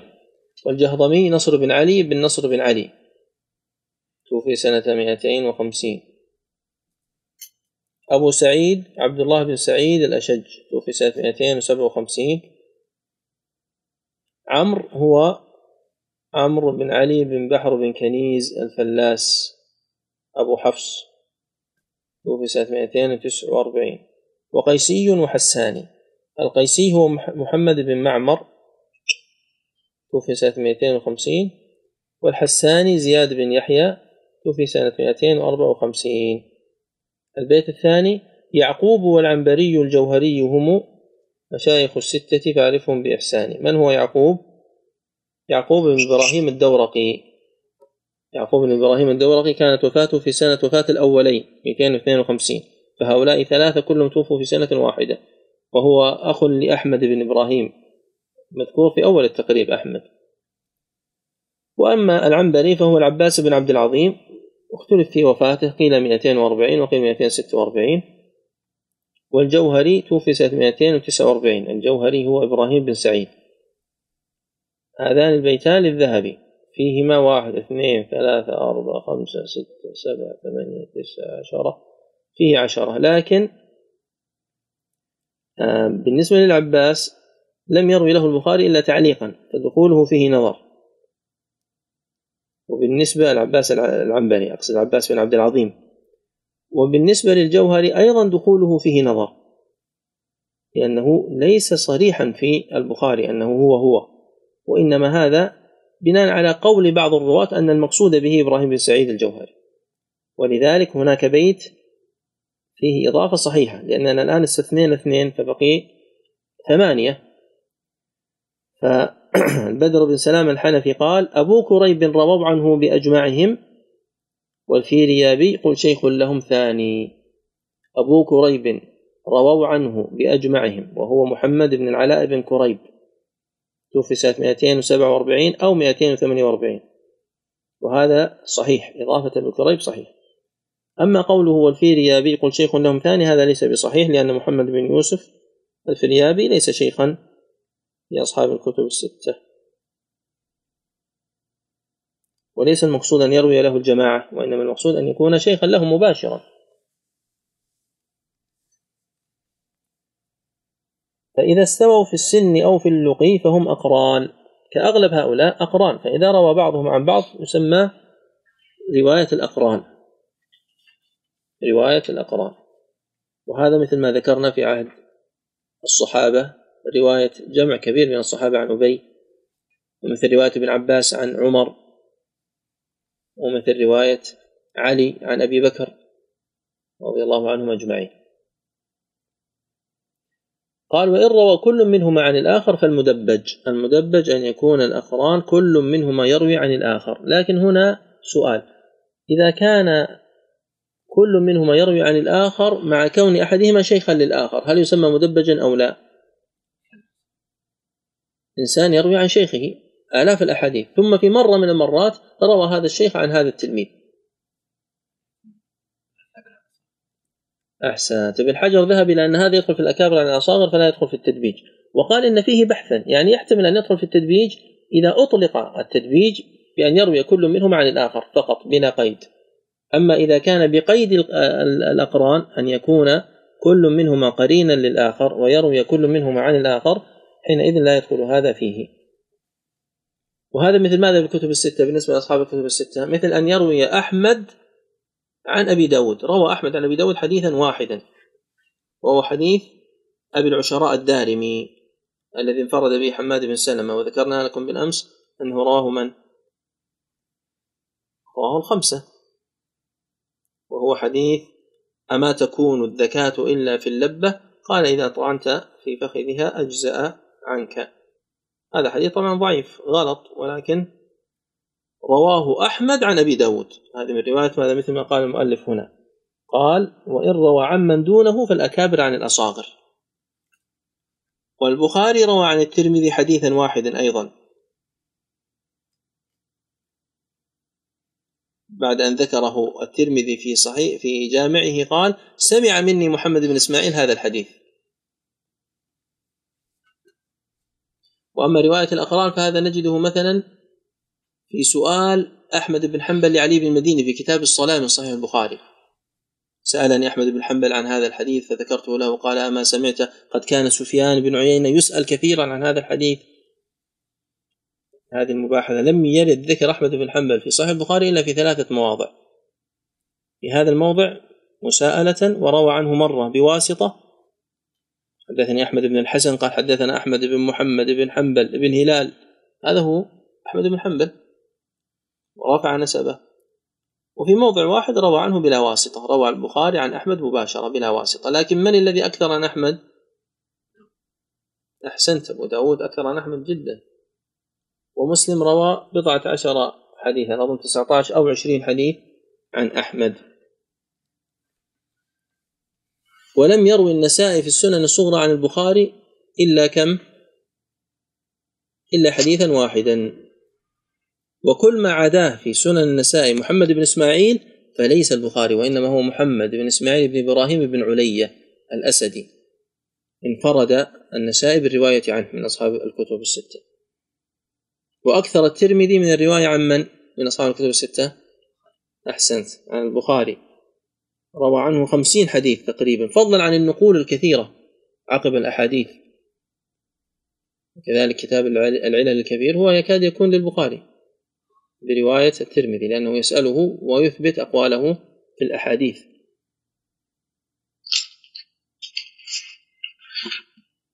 أحسن عليك شيخنا. نعم. ألا تكون آه، رواية أبو داود عن أحمد وأحمد عن أبو داود عن أبي داود من التدويج نعم هذا ذكرناه قبل قليل. قال ابن حجر فيه بحث. فإذا اشترطنا أن يكون من الأقران فلا يكون من التدبيج إذا اشترطنا في التدبيج أن يكون رواية الأقران كل منهم عن الآخر فهذا ليس من التدبيج وإنما من رواية الأكابر عن الأصاغر. وإذا لم نشترط أن تكون من رواية الأقران وإنما أن يروي كل منهم عن الآخر فحسب فحينئذ يكون تدبيجا. وأحدث تدبيج أعطيكم الآن تدبيج طازج حصل في الليلة السابقة. أحدث تدبيج بالنسبة لوقتنا هذا وقت إلقاء هذا الدرس أن الشيخ عبد الله السعد زاره بالأمس الشيخ عبد الرحمن بن عبيد الله المبارك فوري فأجاز كل منهم الآخر.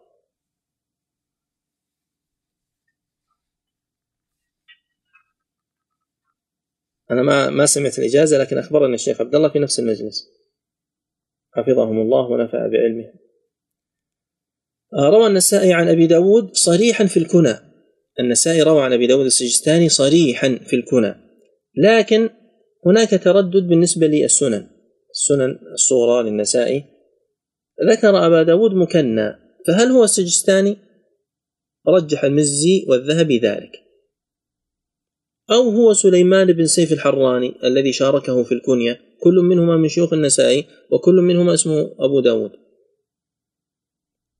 الأمر الثاني محتمل. فإذا كان الأول فيكون قد روى عنه في السنن أيضا حديثا واحدا. طيب مثال أخير ما دون في هذا الباب أو مسألة أخيرة هل روى أحد من أصحاب الكتب الستة عن مسلم؟ من منكم يعرف؟ هل نجعله بحث؟ هل نجعل هذا بحثا ولا أجيب؟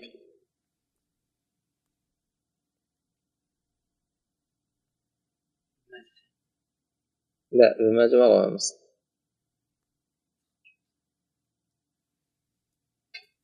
يبدو أنكم تحبون البحث. إذا ابحثوا من هو الذي روى عن مسلم بعد ذكر الحديث؟ مو بتخمين هكذا. التخمين لو كل واحد منكم جاب واحد أجبتم أصبتم. لكن نريد ما هو ما هو الحديث الذي رواه فلان عن مسلم. طيب. قال بعد ذلك وإن روى عن من دونه فالأكابر عن الأصاغر. عرفنا بعض الأمثلة قبل قليل. ومنه الآباء عن الأبناء. ومنه الآباء عن الأبناء كرواية بكر بن وائل. رواية وائل عن ابنه بكر بن وائل.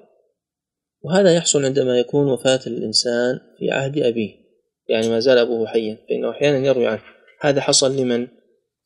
للسرقسطي السرقسطي صاحب دلائل صاحب كتاب الدلائل. قد روى عنه أبوه. وذلك أنه آه، طلب منه أن يكون قاضيا لسرقسطة لكنه رفض. فألح عليه والده فطلب الإمهال ثلاثة أيام ومات فيها فرأوا أنه قد دعا على نفسه لأنه كان مجاب الدعوة رحمه الله. قالوا في عكسه كثرة. ما هو عكسه؟ أن يروي الابن عن أبيه. هذا كثير. سهيل بن أبي صالح عن أبيه عن أبي هريرة. العلاء بن عبد الرحمن مولى الحرقة عن أبيه عن أبي هريرة. سالم بن عبد الله بن عمر عن أبيه وأحيانا يكون عن أبيه عن جده إذا روى ابن عمر عن عمر. يرحمك الله. إذا كونهم اثنين فقط كثير يعني الأب آه الابن عن أبيه ثم يروي الأب عن من شاء ليس عن أبيه أيضا. فإذا كان ثلاثيا يعني الأب الابن عن الأب عن الجد. فلان عن أبيه عن جده. هذا كثير جدا وقد ألف فيه العلاء كتابا. ولخص هذا الكتاب ابن حجر وزاد عليه زيادة كثيرة جدا. ولكن لم يصلنا لا الكتاب ولا الملخص. ومن أشهر هذه السلاسل من يعرف؟ أحسنتم. السلسلة الحسنة. عمرو بن شعيب عن أبيه عن جده. وكذلك من السلاسل المشهورة. يلا يا إخوان شاركوا. بهز الشيخ بهز بن حكيم. أحسنت. بهز بن حكيم عن أبيه عن جده. وما اسم جده؟ معاوية بن حيدة القشيري رضي الله عنه. معاوية بن حيدة القشيري رضي الله عنه. شيخنا؟ نعم تفضل. هل في كتاب عن من روى عن أبيه عن جده؟ في كتب لكنها ما وصلت إلينا صراحة. ما وصلت إلينا. أنا ما أعرف. قد يكون طبع لكنه لم يقع بين يدي لكني أنا جمعت في نسختي شيئا من هذا من غير استقصاء. وجمعت شيئا كثيرا من هذا من غير استقصاء وإنما أذكره في المجالس المطولة وإلا لو أردتم شيئا منه لا مانع من ذكره. يعني مثلا آه، مسلم يروي سلسلة معروفة من طريق أبي عامر عبد الله بن براد الأشعري وأبي كريب عن حماد بن أسامة. ويرويها البخاري من طريق أبي كريب. كلهم يروونه عن بريد بن عبد الله بن أبي بردة عن أبيه عن جده.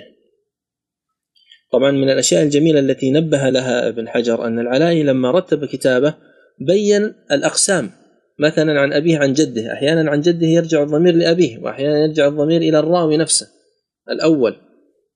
فقال ما يكون من القسم الأول كذا وكذا وكذا ما يكون من القسم الثاني كذا وكذا وكذا. ففي هذا الإسناد إذا قلنا بريد ينسب أحيانا إلى جده فيقال بريد بن أبي بردة.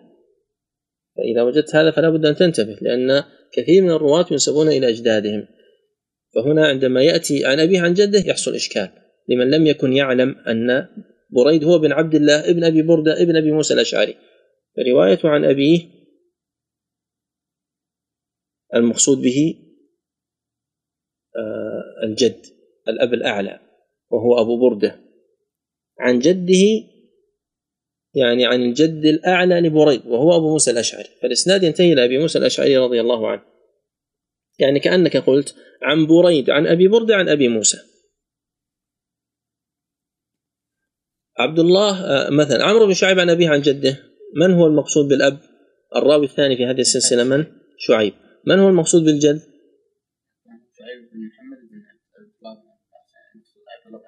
أحسنت. المقصود بالجد عبد الله بن عمرو بن العاص لكن هو اسمه عمرو بن شعيب بن محمد بن عبد الله بن عمرو بن العاص. والرواية عن عمرو عن شعيب عن عبد الله بن عمرو بن العاص. محمد ليست له علاقة بهذا الإسناد. بريد بريد يعني عن أبيه عبد الله أو لا عن جده أبي بردة.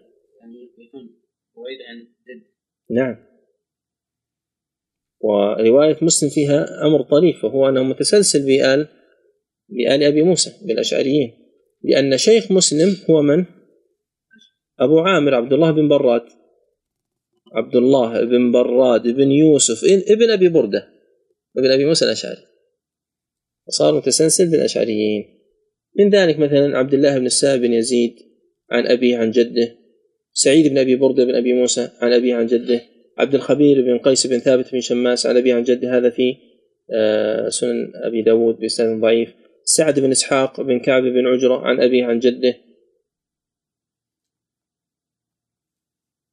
ويمكن تقسيمها بتقسيم آخر أنا موجود عندي تقسيم آخر غير التقسيم الذي ذكره وهو الصحيح والضعيف سلاسل ضعيفة وسلاسل حسنة وسلاسل صحيحة وسلاسل شحيحة لا يوجد بها إلا الحديث والحديثين مثل أبو الأشهب جعفر بن الحارث النخعي عن أبيه عن جده عن ابن عباس. أبو الأشهب مختلف فيه. من السلاسل الضعيفة مثلا بهذا محمد بن الحسن بن عطية بن سعد العوفي عن أبيه عن جده. هذا مسلسل في الضعفاء. لا يوجد به في الكتب الستة إلا حديث واحد فقط عند أبي داود. لعن رسول الله صلى الله عليه وسلم النائحة والمستمعة. شعيب بن شعيب عن أبيه عن جده. هذا أخو لعمرو بن شعيب. هذا غير مشهور. من هو أكثر من روى عن أبيه؟ أكثر إنسان روى عن أبيه من؟ أنا أتوقع لو جعلناه بحثا سيكون صعبا وثقيلا فأجيب أحسن. أكثر من روى عن أبيه فيما نعلم والله أعلم هو البهاء أبو محمد القاسم بن أبي القاسم بن عساكر. توفي سنة 600 الحافظ بن عساكر صاحب تاريخ دمشق الذي رتب له كتابه هو ابنه هذا. عندما ذكر الذهبي ترجمة في السير قال ما علمت أحدا سمع من أبيه أكثر من هذا الابن ولا ابن الإمام أحمد. يعني كان يضرب به المثل عبد الله بن أحمد كم سمع من أبيه؟ آلاف الأحاديث. مع ذلك قال لعل القاسم سمع من أبيه ثلاثة آلاف جزء. وفي عصرنا هذا من الذي أكثر عن أبيه؟ شيخنا الشيخ عبد الوكيل بن عبد الحق الهاشمي المولود سنة سبعة وخمسين وثلاثمائة وألف. فله مسموعات كثيرة عن والده. فمن رزق بأب أو بأخ ونحوهما لا يضجر بكثرة القراءة ويكون معه في البيت هذه الغنيمة الباردة خاصة في أيام الحجر. أين سيذهب؟ هذه الغنيمة الباردة. أبو حاتم الرازي قال آه ما أدري هو أبو حاتم ولا ابن أبي حاتم. المهم قال لي أبو زرعة ما رأيت أحرص على الحديث. نعم قال لي أبي حاتم قال ما رأيت أحرص على الحديث منك يا أبا حاتم. فقلت إن ابني عبد الرحمن حريص. قال من أشبه أباه فما ظلم. ولذلك كانت كثرة أسئلة عبد الرحمن لوالده وهو أبو حاتم لأنه كان يسأله وهو يأكل وهو يمشي وهو في البيت وهو داخل وهو خارج كان يسأله فاستفاد من ذلك كثيرا. ولعل إن شاء الله أجد فرصة أخرى أملي عليكم هذه السلاسل إن أردتم لأنها مدونة عندي ما رواه عن أبيه عن جده من الأشياء الطريفة أيضا أنه قد تكون السلاسل رباعية ليس فقط ثلاثة لأن عرفنا الآن الاثنين صح؟ وعرفنا الثلاثة. من أمثلة الأربعة من أمثلة الرباعي يحيى بن عباد بن عبد الله بن الزبير. عن أبيه عباد عن جده عبد الله عن الزبير بن العوام. هذه في سيرة ابن هشام. هذه سلسلة رباعية في سيرة ابن هشام. يحيى بن عمرو بن يحيى بن عمرو بن سلمة الهمداني. عن أبيه عن جده عن أبيه. هذا في مسند أبي يعلى. وإلى تسعة. هناك حديث نرويه في كتاب اقتضاء. العلم العمل للخطيب البغدادي. مسلسل بتسعة آباء التميميين. ومن المتون المروية بهذه السلسلة قول علي بن أبي طالب هتف العلم بالعمل فإن أجابه إن ارتحل. وأقصى ما وصل إليه في هذا وعلم هو أربعة عشر أربعة عشر ابن عن أبيه. قالوا في عكسه كثرة عكسه الذي هو رواية الأبناء عن الآباء ومنه من روى عن أبيه عن جده وإن اشترك اثنان عن شيخ وتقدم موت أحدهما فهو السابق واللاحق. ما معنى السابق واللاحق؟ وهذا فيه كتاب مؤلف للخطيب البغدادي كما في كثير من علوم الحديث هو أن يشترك اثنان في الرواية عن شخص. فيتقدم موت أحدهما ويتأخر موت الآخر كثيرا فيسمى السابق واللاحق. وأكثر ما علم في هذا 150 سنة بالنسبة للبرداني مع السلفي. فإن السلفي قد توفي وقد روى عن بعض تلاميذه. نعم. فهذا لا يحصل إلا بالرواية عن بعض تلاميذه. ممن اشتهر بالرواية عن تلاميذه الخطيب البغدادي كان يشجع تلاميذه بالرواية عنهم. يروي عنهم وهم أحياء. وأظن ابن حجر فعل ذلك روى عن بعض تلاميذه الأحياء. من يكمل لنا هذا المثال؟ السابق واللاحق. موجود عندك؟ هو اللي هو 150 سنة قلت السلفي أبو طاهر السلفي. في أحد منكم عنده المثال؟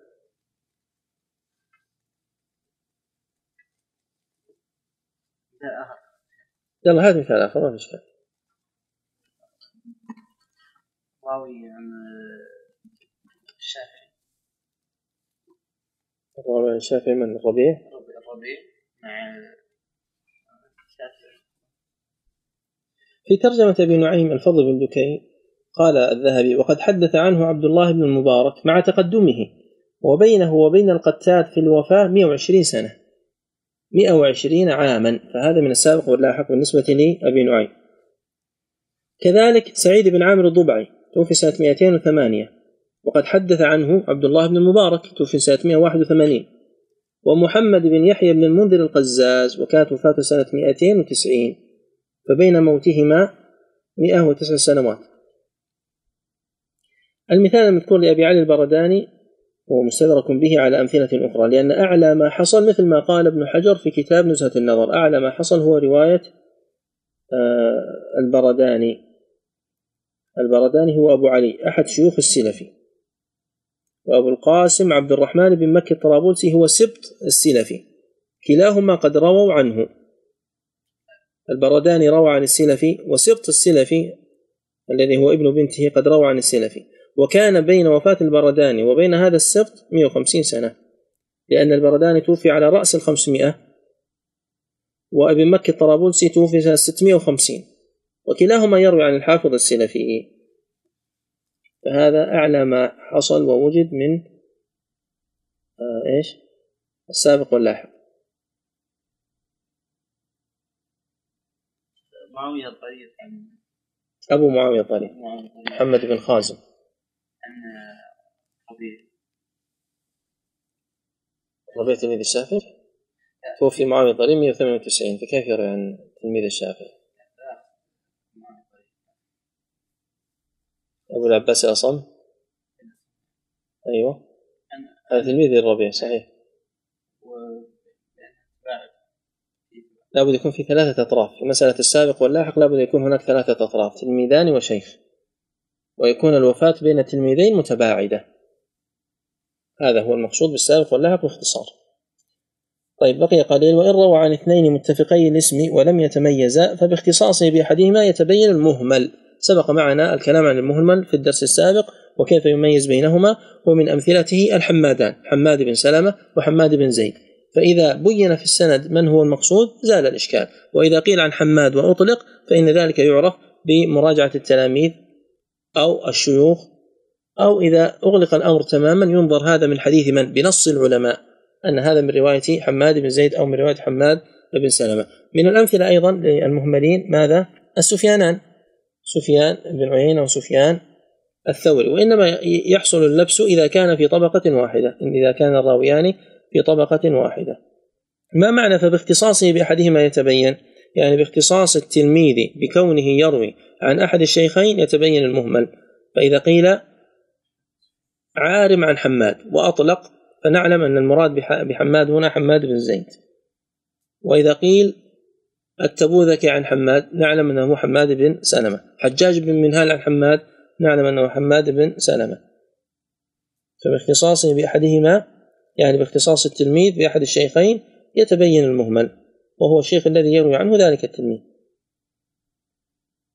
ثم في اتفاق الاسم هنا يأتي مبحث ما هل سيأتي؟ نعم سيأتي. نؤجله إلى محله إذا ما يتعلق بالمتفق والمفترق والمؤتلف والمختلف نأخذه غدا إن شاء الله. وإن جحد الشيخ مرويه جزما رد روى التلميذ عن الشيخ حديثا فقال الشيخ هذا ليس من حديثي لم أسمع به من قبل ونحو ذلك من العبارات. فحينئذ يرد هذا الحديث لكون الشيخ جازما بالرد. لكن هذا لا يقدح في ماذا؟ في التلميذ لأن كل منهما قد خطأ الآخر وكل منهما ثقة فهذا الوهم الذي حصل من أحدهما لا يؤثر في الآخر. لكن الحديث يرد. لماذا؟ لأن الشيخ قد رده جزما. الحالة الثانية أن يرده احتمالا كأن يقول لا أذكر أو نسيت. فما هو الأصح في هذا الحديث؟ الأصح أنه يقبل. يقبل هذا الحديث. كما قال أو احتمالا قبل أي أن يجحد الشيخ مروي التلميذ احتمالا بنحو العبارات التي سبقت فإن الحديث يقبل في الأصح. وفيه من حدث ونسي. في من حدث ونسي كتاب اسمه المؤتسي في من حدث ونسي. وأظن أيضا وأظن أيضا للدار قطني كتاب في ذلك.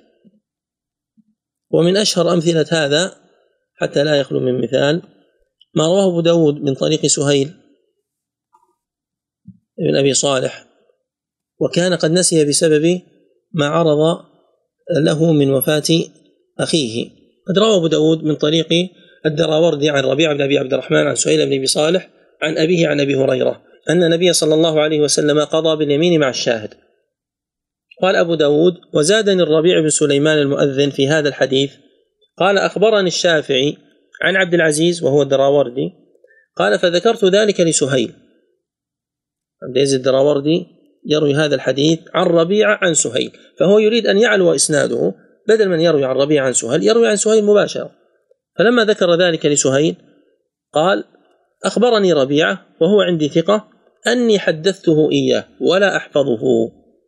قال عبد العزيز وكان قد أصابت سهيلا علة أذهبت بعض عقله ونسي بعض حديثه فكان سهيل يحدث عن ربيعة عن أبيه. وكذلك سليمان بن بلال رواه عن ربيعة.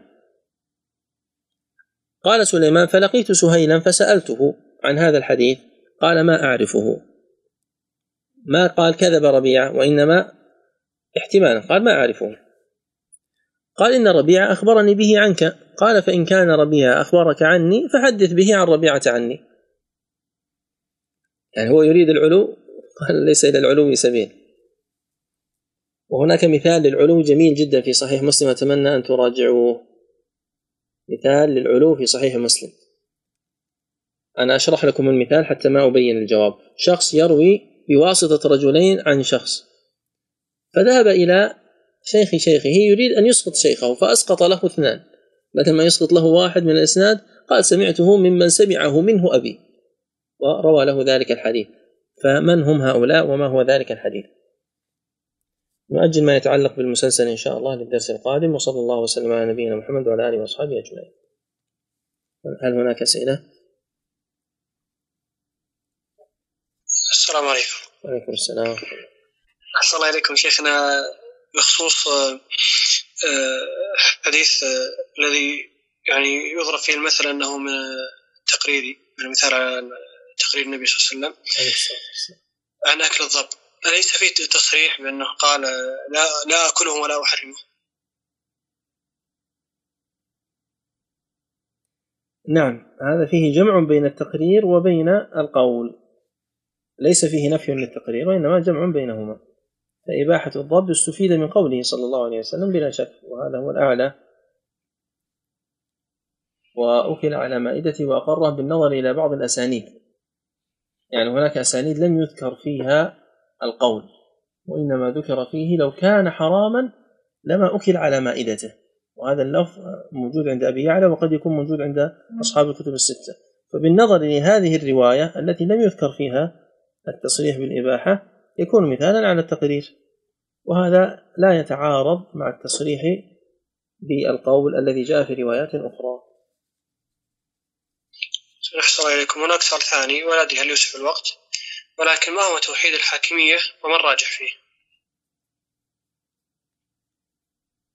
هذا واضح في قول الله عز وجل ومن لم يحكم بما أنزل الله فأولئك هم الكافرون.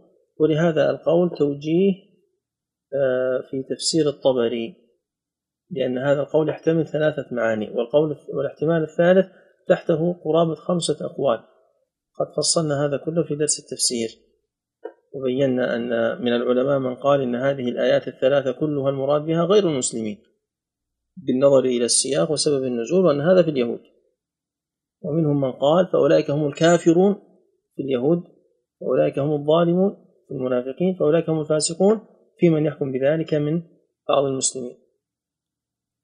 والقول الثالث أن هذا المراد به الكفر حقيقة ومن ثم هناك توجيه على من قال بأن المراد به الكفر وأن المراد به هذه الأمة. يعني على القولين الأولين من أقوال المفسرين لا يرد تكفير من حكم بغير ما أنزل الله وإنما يكون فعله فسقا. وعلى القول الثالث أن المراد بهذا الكفر وأن المراد بذلك إيش؟ المسلمون هناك أيضا خمسة أقوال مثل ما ذكرنا. القول الأول أن هذا كفر دون كفر والقول الثاني بأن هذا ليس على إطلاقه وإنما منه ما يكفر به ومنه ما لا يكفر. وفي ذلك رسالة للشيخ محمد بن إبراهيم في تحكيم القوانين الوضعية وهي مطبوعة مفردة ومطبوعة في فتاويه. وقد ذكر خمسة أقسام فليس كل من حكم بغير ما أنزل الله كفر. وأيضا ليس كل من حكم بغير ما أنزل الله ليس بكافر. على هذا القول الثالث في هذه الحالة الثانية. المسألة فيها تفصيل يعرف بمراجعة ما ذكرنا. لكن من الأشياء التي يحذر منها أن بعض الناس ينزل هذا على الأعيان. والتنزيل على الأعيان يفتقر إلى إقامة الحجة على المكفر. فتجده يحكم بالكفر بالجملة. فلان كافر وفلان كافر وفلان كافر وهو لم يتحرى في مسألة هل فعلا هو قد كفر بعينه هذا الشخص بعينه. يعني آه، يكون الإنسان في مندوحة من ذلك وفي سعة من دينه إذا حكم بكفر الفعل. التكفير بالوصف أن هذا الفعل كفري هذا الأمر فيه أسهل. لماذا؟ لأنه يكفيه فقط أن يذكر الدليل على كون هذا الفعل كفرا. أما التكفير بالعين وتجعل فلان في ذمتك هذا فيه خطورة. لأن النبي صلى الله عليه وسلم قال من قال لأخيه يا كافر فإن كان كما قال وإلا حارت عليه. كما في الصحيح. يعني رجعت عليه. فبعض الناس من الحماس يريد أن يكفر كل إنسان كافر. نقول الكافر الأصلي كفره لا غضاضة عليك في ذلك. إنسان كافر كفره لكن إنسان ظاهره الإسلام أو هو يدعي الإسلام ووقع في مكفر فحتى تكفره بعينه هناك شروط. وهناك موانع. لابد أن تتأكد أن هذه الموانع منتفية وأن هذه الشروط حاصلة ومنطبقة ثم إن هذا الحكم يرجع أيضا للقضاة كما ذكر العلماء. يرجع للقضاة بمعنى أنه بحاجة إلى تحري واستماع إلى بينات وإلى أدلة. فهو الذي يستطيع أن يحكم على الشخص المعين بكونه خرج من الإسلام أو لم يخرج. وهذا واضح بالنسبة للتاريخ إذا أردنا أن نربط هذا السؤال بدرسنا. فنجد أنهم إذا أرادوا أن يكفروا الحلاج ليس يفتي فلان وفلان وإنما يرفع إلى القضاة في ذلك العصر ويؤتى ويقرر ويسأل. ثم يرجع إلى أهل العلم فيفتون بكفره. ثم بعد ذلك يقتل على ضوء هذا الكلام الواضح. فلا الحاكم وهو الحاكم يتمكن من قتله رأسا حتى يراجع العلماء فضلا عن أن يحكم العوام من قبلهم بمثل هذه الأحكام. وقد ذكر الطوفي قصة عجيبة. قال رأيت أحد العوام في المسجد يقلب كفيه ويشير إلى رجل يقول فلان هذا كافر. قال فسألته وكان هذا يصلي. لماذا هو كافر؟ قال رأيته يجهر بالبسملة. يجهر بالبسملة. شوف كيف؟ هذا هذا سبب كفره الآن. أن يقرأ بسم الله الرحمن الرحيم جهرا. ما أدري هل هو قال كافر ولا قال فاسق ولا قال مبتدع المهم أنه أتى بلفظ كبير. طيب إذا ترك العنان لأمثال هؤلاء وما أكثرهم في عصرنا هل سيبقى مسلم على ظهر الأرض؟ أحدهم يذهب إلى من أصحاب هذا الفكر الضال. يذهب إلى العمرة مع بعض الشباب الصغار الذين غرر بهم. طبعا هو عبى رأسه بكفر المسلمين. كل مسلم كفار كل مسلم كفار. هذا عندما جاء إلى المطاف معه يعني بفطرته قال جنة عرضها السماوات والأرض. كل هؤلاء كفار كل هؤلاء في النار. يعني من سيبقى في جنة عرضها السماوات والأرض؟ أنا وأنت فقط. كان ذلك من أسباب تركه لهذا المذهب. هذا رواه اللالكائي والله أعلم. هذا رواه اللالكائي في شرح أصول الاعتقاد. فمثل هذه المسائل الكبيرة أنا أوصي الشباب بعدم العجلة فيها وأن لا يتلقوها من الأصاغر وإنما خذ مثل هذه المسائل الكبيرة من كبار العلماء. انظر ماذا يقولون وتمسك بغرزهم تبرأ ذمتك بإذن الله عز وجل وتهدى للحق في ذلك. أحدهم كان منظرا لمثل هذا الفكر التكفيري وهو الرأس عندهم. المهم أنه في بلد من البلاد سجن هذا الرجل. يحكي أحدهم يقول سجنت معه. وهذا الرجل يعني كان يعتبر بالنسبة له مضرب المثل وهو العالم وهو المنظر وهو الذي يصدرون عن قوله وهو الذي يفتيهم. قال بما أنني مسجون معه قلت له يا فلان أنا أريد أن أدرس عندك العلم. نحن هنا لا ندري إلى متى من الزمن. أعطني في اليوم ساعة أدرس عليك العلوم الشرعية. فوافق. قال فبدأ يملي عليه الكلام الذي يعرفونه قبل السجن مما يتعلق بالحاكمية والتكفير والأدلة في ذلك والشبهات التي يحفظونها جيدا. يقول بعد مدة يسيرة يلا نريد معلومات أخرى يريد الطهارة يريد الفقه يريد الحديث يريد العلم الشرعي الذي يتبصر به. قال ما أعطاني من هذا أي شيء؟ قال انتهى ما لدي. يا شيخ كيف انتهى اترك التواضع؟ علمنا. قال أنا حقيقة ما عندي إلا هذا. ليس عنده إلا هذه الشبهات التي لقنها. وفعلا لو كان عند الواحد منهم علما لما وصل إلى مثل هذه المواصيل ومثل هذه الاعتقادات الفاسدة الباطلة. وعلى الإنسان أن يكون على بصيرة من أمره وأن يحرص على طلب العلم الشرعي الذي ينفي عنه الشبه وأن لا يقع في بنيات الطريق.